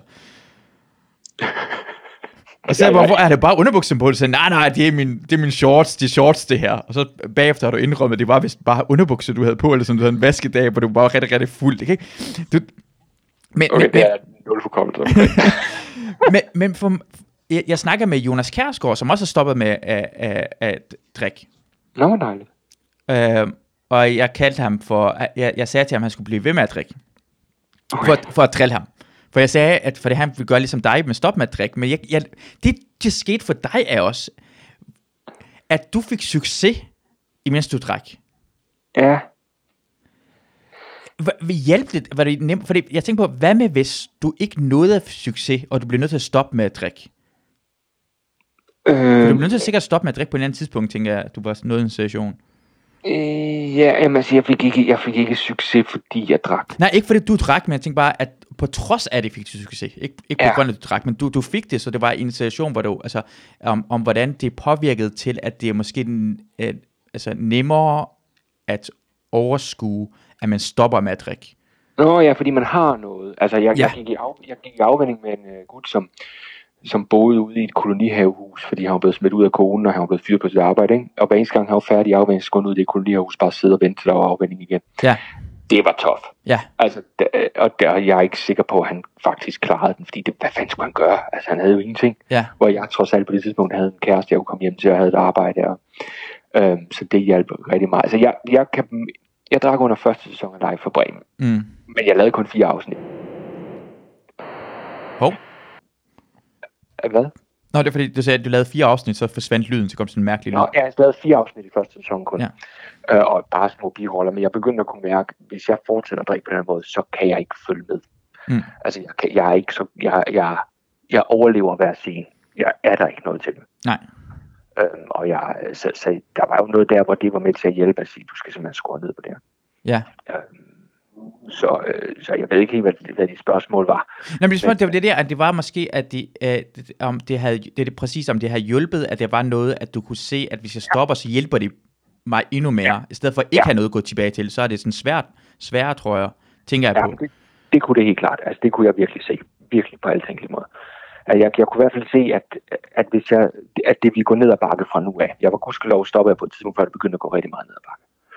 Mm. Øhm, og det, jeg var heldig at have rigtig mange omkring mig, som, øh, som godt gad mig. Ja. Og, og det er jo også det, altså, så stopper man med at drikke, og de første 50 mennesker, man fortæller det, det er altid en overvindelse at sige det. De første, siger, Gud, hvor godt, nej, hvor dejligt. Mm. okay, okay, det er støtte i stedet for. Ja. Fordi der er jo også nogen, der holder op med at drikke, ikke? og så de eneste venner, de har, de sidder på et værtshus, og sådan en dag, så bliver de bare savnet, de venner går ned og siger, nej, jeg tager en cola, de er sådan lidt, hvad fanden, fordi de alle sammen er i deres misbrug, ikke? Ja. Og så gør du bare igen. Ja, det, det, det, det må, ja, det må være fedt. Og, og jeg tror også bare, hvordan føles det for dig, at, at, var du bange for, at hvis du stoppede med at drikke, at du ville altså, miste noget, du havde på scenen? At Nej, miste fordi jeg, altså, jeg var, på trods af hvad historierne siger, så var jeg meget sjældent fuld på en scene. Mm. Jeg var rigtig fuld lige bagefter. Ja. Så jeg var heldig, at der, der ikke ændrede noget. Jeg kunne snakke med min far om det, han sagde, prøv at tænke, hvis du skulle have drukket dig mod til hver eneste gang, så havde du faktisk skulle fjerne det også. Ja. Og det gjorde også, at da jeg stoppede, så havde jeg jo bare at optræde og falde tilbage på. Altså det gjorde jeg hele tiden. Jeg tror aldrig, jeg optrådte så meget som de første to år efter jeg blev ædru. Mm. For det er ligesom, okay, men det kendte jeg. Ja. Og der var jeg stadig i fuld kontrol. Det, det, det, det er jo, når man har hørt omkring at folk, at, øh, at folk der misbruger det ofte på grund af, at de mangler noget andet i deres liv. Det, jo, det, bliver, mere, det bliver værre og værre. Det er ikke noget, kom, altså de, de, de, de mister alt i deres liv. Og det er ikke noget, at de har ikke nogen grund til at stoppe med det. Mm. Jeg ved ikke, om det er det samme, altså når det passer i din situation. Ja. Om, hvorfor, altså, hvorfor stop, hvordan, hvordan startede det med, at du begyndte at drikke så meget? Mm, jamen, jeg tror, at jeg havde... Jeg tror grundlæggende, jeg har anlæg for det. Ja. Øh, det tror jeg betyder meget, faktisk. Så tror jeg, at... Øh, jeg begyndte faktisk relativt sent. Jeg begyndte, da jeg var 19, da jeg flyttede til København. Så det var en del af, at så var der en open mic, og så kunne du gå med videre bagefter. Og det at gå med videre var ret vigtigt at gøre dengang. Mm. Øhm, og jo længere tid du blev, jo mere snakkede du med virkelig dygtige komikere, der kunne lære dig noget. Mm. Og det kan altså du ved, så lige pludselig, i stedet for at gå hjem klokken 10, når du er færdig, så kommer du hjem klokken 5, og så du snakket i syv timer med Carsten Eskelund, der har fortalt dig alle hemmeligheder inden for comedy. Mm. Og det betød meget, det blev jeg ved med at gøre. Og så tror jeg, at jeg stille og roligt opbyggede en identitet omkring det. Så jeg oplevede, da jeg, at jeg nok er blevet voksen gennem alkohol. Så da jeg stoppede, var det lidt som om, jeg blev 19 igen. Og ligesom skulle lære, okay, hvordan agerer jeg nu med mennesker på en bedre måde, på en anden måde, på en sund måde. Så hele min måde at agere med folk på, var via en øl. Mm. Og så kunne jeg ligesom fungere. Øhm, så jeg tror, det blev bare en identitet for mig mere end det blev noget andet, og gjorde, at jeg ikke rigtig kunne finde ud af, hvad jeg skulle gøre, hvis jeg ikke gjorde det. Ja. så, så det var... Jeg, jeg kan huske en af de sidste aftener, jeg overhovedet drak. Det var under Comedy Festival, hvor jeg gik ned. Jeg tror, jeg må være, havde, havde været på noget late night eller sådan noget. Og jeg var egentlig først, der overhovedet ankom. Og så gik jeg op i baren, og så bestilte jeg en øl, og så satte jeg mig. Og så kiggede jeg på øl og tænkte, ja, man skal jo. Og så drak jeg den. Altså, altså, det var et tegn på, at det er ved at være galt, ikke? Men, ja. men så meget var det, det var en del af min rutine, det var helt ja. måde at være på. Ja. Og så har jeg vågnet op med tømmermænd, og så har der gået et par timer, og det har jeg brugt på at egentlig gøre mig selv ædru og klar til at kunne være god på den scene. Og så er jeg gået mm. i gang igen. Så stille og roligt har jeg så addet, at jeg godt kunne få en øl, når jeg kom, og en mm. på scenen for lige at, så jeg trods alt var på tredje, når jeg gik ned. Ikke? Ja. øh, ja. Så, så, så drak jeg. Det, det er fordi, jeg kan, det, det må være en del af identitet, for jeg kan huske, det var meget omkring, at folk snakkede. Dengang jeg begyndte, så vidste man godt, så, så var man ude og optræde, og så var det ofte øh, sammen med dig bagefter, man skulle man drak nogle øl, og du tog en med op på Jacobs, eller sådan noget, nu skal jo kraftet med dig op i din lejlighed, og nu skulle have noget at drikke. Du hold lige kæft kom med. Så jeg, jeg skal op i morgen på arbejde, og nu op. og så er der sådan, og det var sådan en hård spiritus, der sådan, du, havde, du havde sådan en whisky eller vodka og sådan, sammen med øl, og sådan. Det var, det var, det var hårdt, okay, så er jeg jeg er med med det coole Thomas Warberg og sådan noget. Men jeg kan huske, når man kom til København, så snakkede folk, de savnede dig, for at de skulle ud og drikke sammen med dig, og være på Rio Bravo og sådan noget lignende. Så det var en ting omkring dig. At ja, folk ja. glædede sig til at sådan, øh, komme og drikke sammen med dig. Og du var, du var miljøet på en eller anden måde. Jamen, det var jeg, og man kan sige, de kom en gang hver anden uge, ikke? Jeg var der hver aften. Og jeg kan ja. huske, at, at da jeg holdt op med at drikke, der fortalte jeg det jo ikke til så mange til at starte med. Jeg skulle lige selv finde plads i det. Jeg tror, mm. det gik et halvt år, før det holdt op med, at jeg vågnede op, og så var der sms'er fra alle mulige forskellige beskeder. Hey, er du ude? Ja. det er folk ligesom bare vant til, at når de, du ved nok, Facebook og skriver til mig, jeg var et eller andet sted derude, ikke? Ja. Øhm, så, så det var jeg da også godt øh, bevidst omkring. Men altså, det, det, jeg, mit første æselspot var min tredje eller fjerde gang, jeg optrådte ind på Comedy Sur. Der var, Mikke Øndal var, var på os, mm. kan jeg huske. Og så øh, første øh, aften der om torsdagen, så bliver jeg hængende bagefter, og jeg bliver ikke, altså jeg bliver ikke bare lidt fuld, jeg bliver så snot fuld. Altså, jeg, jeg, jeg, jeg, kan slet ikke, jeg kan slet ikke huske noget som helst. Og dagen efter skal man så optræde kl. 16, og så jeg kommer ind, og jeg har så mange ting, men jeg kommer for lige at lige kæmpe mig igennem de her to shows, man laver 16-20, og så efter det så siger jeg, jeg skal, jeg skal jo simpelthen hjem og sove det her ud. Og så kigger Mik på mig og siger, nå, så bliver du ikke komiker altså, så det var også, der var noget i det der, jeg voksede op. Ja. Nå, okay, for, nej, det er jo nok, og så i barn igen, ikke? Ja, ja. trods af, jeg skulle være, virkelig være gået hjem, jo. så jeg skulle have professionalisme nok til ikke at være fuld den første aften, jo. Det er på grund af fucking dig. Det er på grund af dig, Thomas. Fordi siden du har stoppet med at drikke, så har det været mindre og mindre alkohol i, ude i miljøet bagefter. Fordi jeg tror, du har bragt det videre, at man skal drikke bagefter. Du har, du, det er Mik Øendal, der har givet den videre til dig, og du har ja, givet den videre til os. og hvem fanden ikke har fået den, jeg ved ikke, om det er uh, det, det, det, det, Ja, ja, det, var, det er på den måde, det er. For det er så mange ting, at med folk snakker hver eneste gang, der er regler inden for stand-up, omkring hvad man skal gøre. Så du bliver nævnt hele tiden. Og du var så fucking god, altså bare sidde og lave regler og stå og slå dig selv i panden med, med, øh, med, med en flad hånd på siden af, med det tommelfinger, slå dig selv i panden eller på næsen og forklare reglerne omkring, hvordan man skal gøre, hvad for, når det er rigtigt nok, det er rigtigt. Men hvor du sagde det med så meget selvtillid og pondus, at ja, bare trukket ud af røven, det var jeg gjort. Ja, ja, men det virkede rigtigt. Så, Nå, ja, selvfølgelig, ja, jeg gør det helt forkert der. Åh, oh, oh, nej. Ja, du, du, du er en af de mennesker, jeg er helt sikker på, at hvis du en anden dag valgte at blive profet, så kunne du sagtens. Jeg kunne godt, jeg skulle nok begynde at drikke igen, men så... Øh, det, jeg, jeg tror ikke, at du behøver det, for du tænker bare, jeg har drukket, og så skal bare sidde, og du, du har allerede det lange hår, og du har skægget, du har allerede, du ligner en smule Jesus nu. Du har det hele, og du, hvordan du taler på, du taler også som, du, du er velformuleret, og du har oplevet ting og sager, og du er skarp og hurtig. Det, det, det. Altså, jeg siger bare, at det er i hvert fald en mulighed for at, at blive endnu større. Hvis jeg blev det, så må du gerne blive min, uh, min Peter. Åh, oh, tak, tak. Hvad ja. skete egentlig med Peter? Jeg ved ikke, jeg, jeg grundlagde kirken, eller hvad gjorde jeg? Ja, han grundlagde kirken, ikke, og blev uh, slået ihjel. Lige der, hvor oh. ligger, tror jeg. tak, tror jeg. Nå ja, men Jesus, det gik da heller ikke godt for Jesus. Lad os lige blive om, det var da heller ikke oh, hey, Jesus kom tilbage igen. Han, død, han var væk i tre dage, så, eller to dage, eller hvor lang tid han var. Så kom han, øh, rejste han, og så gik han op til, øh, og så rejste han rundt ja. på jorden i nogle 40 dage, eller sådan noget inden, og så bagefter så tog det Gud. Ja. Jeg kan ikke rigtig forstå 100% hvad der skete med ham. Det er ikke nogen, der rigtig ved noget historie om Jesus 100%. Nej, den er lidt vag. Den slutter lidt vag, den historie. jeg, jeg kan huske, hvem, jeg kan huske, der var en, der havde en joke omkring, at folk var forundret over omkring, hvordan Jesus gik, øh, blev begravet, og så var det en kæmpe stor sten, hvor han blev begravet. Og så øh, to dage senere var stenen fjernet, og folk var, hvordan fjernede man det sten? Hvordan kunne det lade sig gøre? Og så sagde bare, jamen nok den samme person. Du skubber stenen på plads fra starten af.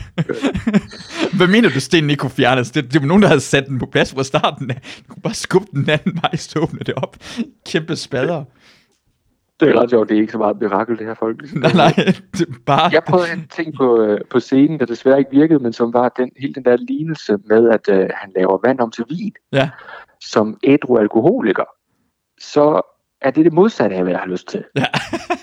det er Og, der, er sjovt. sådan, og der, der kan være noget, vi ved slet ikke forhistorien, som kan være, det kan være, at konen har været sådan lidt til, til manden, Ismail.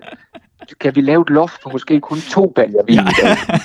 Du bliver lidt ubehagelig, ikke? Og så er de drukket det, og festen fungerer fint. Ja. Ind kommer Jesus, ikke? Ja. Party! Det, det gået helt galt, det her. Ja. Altså, jeg siger bare, at det var ikke som om, dengang han blev korsfæstet, at folk var i tvivl omkring, at han skulle blive korsfæstet. De havde en valg, og alle folk, hey, skal vi slå ham der morderen ihjel? Korsfæst ham, ham der dræbt rigtig mange mennesker, eller Jesus? Og folk var Jesus, han er virkelig irriterende. Han er, øh, Ja. altså, over det lange løb, bare slå Jesus ihjel og få det hovedstød. Ja. Han hører ikke efter, han render rundt og siger, Guds søn, og bare det Ja, er irriterende. Er der været skide irriterende? Du kan være verdens bedste komiker også, hvis du render rundt og siger hele tiden, jeg er verdens bedste komiker, og kommer backstage og siger, ja, hej med alle sammen, jeg er verdens bedste komiker, jeg er verdens bedste komiker, Ja. ja. med jer. Så, så får du ikke lov til at være på scenen. Nej. Så langt. Tror du, tror du, fordi hvis man nu tager reelt Jesus, ikke?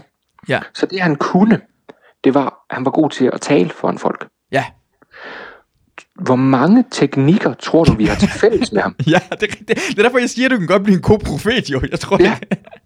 Men, men har han været nogen fra Judæa? Ja, den, altså har han, har han crowdworket? Har han, har han været Ja. ja. big? Har der været hækler? Har han været skarp? Har han været, har han været sjov? ja. For det har han måske. What's the deal with the Romans? Right, Ja, people? Ja. God pointe, du har der. Det synes jeg bare er ret interessant, sådan, hvis man rent faktisk, altså han må af de taler, man i princippet, man kunne få mulighed for gennem tiden at sige, okay, hvem, hvis du kunne mulighed for at rejse tilbage og høre nogen holde en tale, Ja. ja. vi vil da gerne høre Jesus. Hvad Jo, fanden han 100 siger. Jesus vil jeg forstår ikke, hvorfor... Det, det eneste, jeg har et problem med tidsmaskiner, er, at den ved, hvor jeg- jeg skal hen samtidig med. Hvis jeg tager i år, øh, år 32, hver eneste gang, der var tidsmaskiner nogensinde, så dukker man altid op i Jerusalem. Det har altid sjovt, er- hvad hedder det, hvad hedder det, tidsmaskiner altid ved, hvor man skal hen. Hvis man sætter over 32, dukker jeg ikke op bare sådan i Sydamerika. Det er altid det rigtige sted, hver eneste Ja, gang i det- film. Det er rigtigt. Problemet med tidsmaskinefilm, ikke? Ja. Det er, at de faktisk ikke vil tage det helt seriøst. Du, hvis du fik en tidsmaskine i dag, skal du virkelig tænke over det. For vil du frem, eller vil du tilbage? Ja. Fordi frem kan i princippet slå dig ihjel på et sekund. For der kan være en atomkrise Åh, oh, ja. i overmorgen. Så du skal Ja. ja. være bevidst omkring, hvis du siger 50 år, 100 år, altså det kan være smartere at sende stikprøver med et års mellemrum for at se, hvad, hvad... Men går du tilbage, så kan du bevidst ikke gå et sekund længere tilbage end fra din egen undfangelse. Oh, ja. Fordi er det en sædcelle, der rammer forkert, Ja. så eksisterer du ikke mere. Så slår du selv. Ja. Så det, så det er fuldstændig udelukket, du kan komme længere tilbage end, end, øh, end 80'erne. Og så skal du med at sige, okay, jamen, vil du skifte din kæreste ud? Vil du skifte dine venner ud? Mm. For hver eneste gang du går tilbage, så kan du risikere at ændre en sædcelle. Ja. Og det synes jeg slet ikke, de tager højde for i øh, tidsrejsefilm. Ja, Okay, hvis vi går videre med det her tidsrejse noget, det irriterer mig rigtig meget i tidsrejsefilm, er, at de kan ikke finde ud af at bruge tids, øh, hvad hedder det, tidsmaskiner. Det, I Terminator 1 er det, er, er, er, er det foregår det i 1980, starten af 80'erne, ikke? Ja. Så mislykkes det for at have Terminator at slå Sarah Connor ihjel. I toren er det 1992 eller 91. Jamen, du skal bare du skal bruge din tidsmaskine, gå 5 minutter længere tilbage end etteren. Du skal ikke gå længere frem i tid.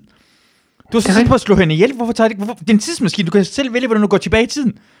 Gå 50 år tilbage i tiden og slå Sarah Connors mor ihjel. Hvor, hvad, hvad er det for en idiotisk mennesker, der har lavet en tidsmaskine og ikke kan finde ud af at bruge det? Men det, men det, men, og det, er, det er alle fucking tidsrejsefilm, øh, rejsefilm, der har det problem. Hvor jeg bare siger, der er ingen, der har sat sig rundt om bordet og sagt, men hvad er, hvis vi rent faktisk gør det, hvad er problematikken? Og hvordan vi kunne gøre det? Mm. For det kunne være spændende at se en tidsmaskinefilm, hvor du sagde, men er det sådan her, vi faktisk vil kunne agere i det? Øh, De, de, har det en lille smule, jeg vil sige, øh, hvad hedder det, øh, tilbage til fremtiden, hvor tingene ændrer sig, ikke? Han går tilbage og lige sådan kysser med sin mor eller sådan noget lignende, og så er det et problem. Ja, Men, men, men jo reelt det sekund, han går tilbage fra før han er født, så er Ja, han væk. så, så er det væk. Så burde han allerede, var, var det slut. Så er det ikke ham, det var der, det kom frem. Nej, og, og det, og, men det er jo det, der skaber helt problem, fordi det sekund, han så bliver kørt ned, Ja. hvor, og han tager farens plads, Ja. ja. gør, at de ikke møder, men det gør jo så, at han dør, men det gør, at han ikke rejser tilbage. Ja. Så du er ude i noget helt rod allerede, ikke? Og, og, og så når han kommer tilbage til fremtiden, der var han øh, ændrer alt, og så er alting blevet bedre, ikke? Så har han fået en bedre bil, de er rigere, familien og sådan noget, lignende, ikke? Ja. Hvor er hans, hvad med hans, hans hukommelse? Eller, den, den tid, han levede, det har også været anderledes. Kan du huske Jamen, dengang, øh, for to år siden, vi gjorde det her? Nej, det kan jeg overhovedet ikke huske. Øh, Jamen, jeg var en det anden er det. person, i en anden tid- dimension, rent faktisk. Jamen lige præcis, så bryder man egentlig universet Ja. op, eller hvad, hvad er du i gang med at gøre? Ja. Jeg forstår til en helt anden ting, forstår jeg ikke, de ikke genindspillede alle scenerne fra 2015 med reelle skuespillere. fra den Ej, her. selvfølgelig. Altså, det kan jeg slet ikke forstå, hvor mange penge man kunne have tjent på at gøre det. Ja. Jeg, ville- jeg ville have været i biografen og se alle filmene igen, bare Ja. for at se dem spille det ikke reelt, og så putte det ind i scener med green screens. Ja! Det, det er det virkelig, ja, det, det har, selvfølgelig skulle jeg have gjort det. Selvfølgelig skulle jeg have gjort det. Hvorfor har du ikke, hvorfor har du ikke sagt noget før? Hvornår tænkte du på det? Tænkte du det lang tid efter 2015? Det tænkte jeg faktisk før. Jeg tænkte, det, det gør de nok. Ja, det du på ikke engang sige højt, altså det, jeg kan lige skrive det det er ned. Ja, den ligger til højre benet. Jeg, jeg, jeg, jeg, jeg elsker, at når jeg ser film, at jeg kan godt, jeg, jeg har ikke noget imod, at en film er urealistisk, hvis de fortæller mig, at det er urealistisk fra starten. For Ja, eksempel, det hvis tror siger, øh, vi foregår et verden, vi er ringende sager, okay, der overgår det hele, jeg er helt fint nok med det. Vi er femte ja. element, det er ude i rummet, I gør mærkelige ting, det er i orden. Jeg bliver irriteret, når de laver et univers, hvor jeg er inde i universet, hvor det ikke, altså, så de fucker tingene op inden for det univers, vi er i. Når de har de skal gevær og ikke kan finde ud af at bruge det, og alle det her ting, så bliver sådan en, Jamen lige, lige, men det er helt rigtigt hvis du sætter den her præmis op, så skal du følge den til dørs. ja, Sådan vil jeg også have med alting. Når, når man ser Indiana, mine- øh, når man ser Indiana Jones film, mm. træeren, hvor han går ind i grotten, hvor ham der den sidste øh, ridder er der, Ja. korsridder der er der. Det, det, det, ja, han irriterer mig så ekstremt fucking meget. Han irriterer mig. Hvor? Han, han har været der i næsten 1000 år. I hans eneste fucking opgave, det, hans eneste fucking opgave er at beskytte den hellige grad. Ikke? Han Jo. har la- lagt alle de der fælder ud. Han har lagt tusindvis af fælder ud. Virkelig svære fælder. Okay, godt nok. Men da, da folk kommer, til sidst kommer igennem, alle fætterne kommer hen til ham, så er han ikke engang, han er ikke engang klar. Han står i gang med at skrive pis og lort ned, og har tændt alle det her fucking sterillys. Hvad med en lille fælde, der siger ding dong, det er nogen på vej ind i grotten, hvor du kan stå med dit svær. Det er din eneste opgave, din fucking idiot! Det er det eneste, du skal lave. Bare med en ding dong, svær klar. Det er rigtigt. Han har det brugt øh, 800 år til ingenting. Det er rigtigt. Er det, det er sjovt, det er sjovt. Er det ikke noget med faktisk, at Indiana Jones 1-filmen, hvis du fjerner Indiana Jones fra den, Ja. så ændrer det intet i historien. Det, det, hvor- hvordan, hvordan? Det er noget med, jeg så det i Big Bang Theory, Ja. hvor, de, ligesom, hvor de lavede teorien, og nu kan jeg ikke, men det er noget med, han jo faktisk ikke rigtig finder nogle af tingene, og nazisterne at det ikke, det er ikke ham, der åbner pagtens ark Nå, på ja. noget tidspunkt. Det er også nazisterne. Ja. Og det er ikke ham, der ender med den. Den ender på et lag. Så Ja. hvis du fjerner Jens, så havde Ja. historien kørt Ja. lige så fint. så han, han er ikke engang hovedrolle, han er, han er bare... Han er der bare. Ja. Ja. Han, han, han, gør, der er ikke, han gør ingen forskel. Alt var forløbet præcis, som det gjorde, hvis Indiana Jones ikke har blandet sig. Jeg elsker nogle folk, der kan mærke til sådan noget. Hvor folk lige siger, wait a minute. Ja. okay, Terminator 2. Ja. Uh, den der scene, hvor han, han ringer tilbage til sine forældre, sin uh, step, uh, altså ja, plejeforældre. Jamen, jeg, kan ikke, jeg har ikke set den i 15 år, Er det jeg. rigtigt? Ja, Okay, det skal jeg måske. så forklar lige hurtigt, hvad der sker. Uh, for det, det, synes jeg er lidt bare, bare en lille smule fjollet. Han ringer tilbage til sine uh, forældre, og så ser man uh, deres forældre i, uh, i køkkenet i gang med at lave mad. Og så spørger han ind til, hvad der sker med deres hund, siger det forkert navn, så finder det ud af, at moren højst sandsynligt er den der Terminator, der er lavet af metal. Mm. Og faren er død lige nu. Det betyder, at ham der, der Terminator, der lavede metal, smeltemetal, har på et tidspunkt for et par timer siden øh, slået moren ihjel og rendt rundt i køkkenet og i huset og var lavet som om af moren, for faren skal ikke opdage, at det er moren. Så han har, han har rendt rundt og begynder at opføre sig som et menneske, begynder at lave mad. Måske er faren kommet hjem, og de er onsdag, de plejer, han plejer at få et blowjob, så bliver det Terminator nede, så giver han et blowjob. Hele ideen med, at en Terminator i to timer, det står et køkken i LA, og skal lade som om, at, han, øh, at det er en housefrag, det er en scene, jeg gad godt se udspil for mig. Ja, det er jo en film for sig. Ja, det er en film, sådan, der ikke kan ikke finde ud af, hvordan, hvordan bruger man den her kniv, og, og jeg skal ja. lave chili con carne. Jeg, jeg ved faktisk ikke, hvad opskriften er. Jeg kan ikke, kan ikke fuck det her op. Og hvor mange gange skulle du egentlig også i virkeligheden kigge på din kæreste og lave noget mærke, for du tænkte, er du? ja. Er du egentlig en Terminator? Er du en Terminator? Ja, præcis. Nej, jeg er ikke Terminator. Oh, du er Stop så meget Terminator. Du er. For jeg havde en eks, der blev Terminator, og jeg ser meget, der minder om lige nu. Når, når hun ikke finder en kniv frem, og hun bruger sin egen hånd som kniv, tænker man, ja. ah, du er en fucking Terminator. Det er, det, det er en god ting, og det, det kan du lave på Facebook 10 tegn på, din kæreste er blevet Terminator. det er måske det, jeg skal lave sådan til en, min, uh, næste gang jeg til en open mic, lave ja. 10 minutter. Ja, det er one-liner. Det er one-liner. Hvad, skal du egentlig lave noget snart her i fremtiden? Har du nogle fremtidsplaner? Uh, jeg ved det faktisk ikke lige nu. Alt er lidt på hold i de her dage. Ja. Uh, så der er, ikke, der er ikke lige så meget line up. Der var nogle ting, men det er alt sammen blevet, blevet skubbet, så jeg kan, ikke, jeg kan faktisk ikke sige noget, fordi hvis det så ja. er, så skal det jo komme som en stor offentliggørelse. Okay. Ja. Men uh, så nej, lige nu er der ingenting. Så, så det er måske noget, men det er ikke rigtig noget. Du må ikke sige noget, men du har ja, noget til, du står ret der, der, Når, når ja. vi bliver... For, hvor og hvornår vi ja. får lov til at åbne op ja. igen, kan det være, der kommer noget. jeg vil så gerne have, at jeg havde den mulighed. Jeg vil, jeg vil så gerne være en person, der kan sige, jeg kan ikke sige noget. Det glæder mig til, at jeg kommer på et, forhåbentlig komme et sted i min karriere, jeg kan sige det. Fordi når ja, jeg siger, at jeg sige. ikke har noget, så er det rent faktisk, jeg har ikke noget. Jamen det, men det kan jo også godt være, det det, der, altså det kan jo også være, det det, jeg siger. Jeg siger det bare på oh, ja. Åh oh, ja, rigtigt. Ja. Åh, oh, det er smart. Det, det, burde, det burde jeg sige. Ah, men jeg kan ikke sige noget lige nu. Det kan jeg ikke sige. Jeg kan simpelthen jeg kan ikke. Jamen, er det selvfølgelig ikke må? Jo, jeg må godt, jo, jeg, bare ikke. Jeg, jeg, jeg, har ikke rigtig lyst til at sige det, i hvert fald lige nu. Ja. Jo, tak. Jeg er rigtig glad for, at jeg kunne tale med dig, Thomas. Prøv, jeg er glad for, at du, at du ringede mig op. Det var da en vidunderlig måde lige at bruge et stykke tid på her. En, en dag, hvor man ikke laver noget overhovedet. Ja. Og jeg, jeg vil lige fortælle dig, at i dag har jeg, jeg har faktisk ret meget tømmermænd. Jeg skulle til at snakke omkring det der. Jeg, så, jeg, jeg har næsten bare lyst til at lade være med nogen sådan at drikke, men man kan, ikke, man kan ikke være i en social arrangement, uden folk bare propper alkohol i en. Jeg prøvede at lade være med at drikke, men vores nabo blev ved med at hælde cognac i mig. Ja, det tror mig har været der. Har været der. Ja, det er problematisk, så... så Sig, du skal køre hjem. Det er selvfølgelig svært med en nabo, men det ja, plejer præcis, jeg. og jeg kører kort, og ja, det er mange ja, der, der er nogle huller der, ikke? Men... men jeg var så glad for at kunne uh, tale med dig.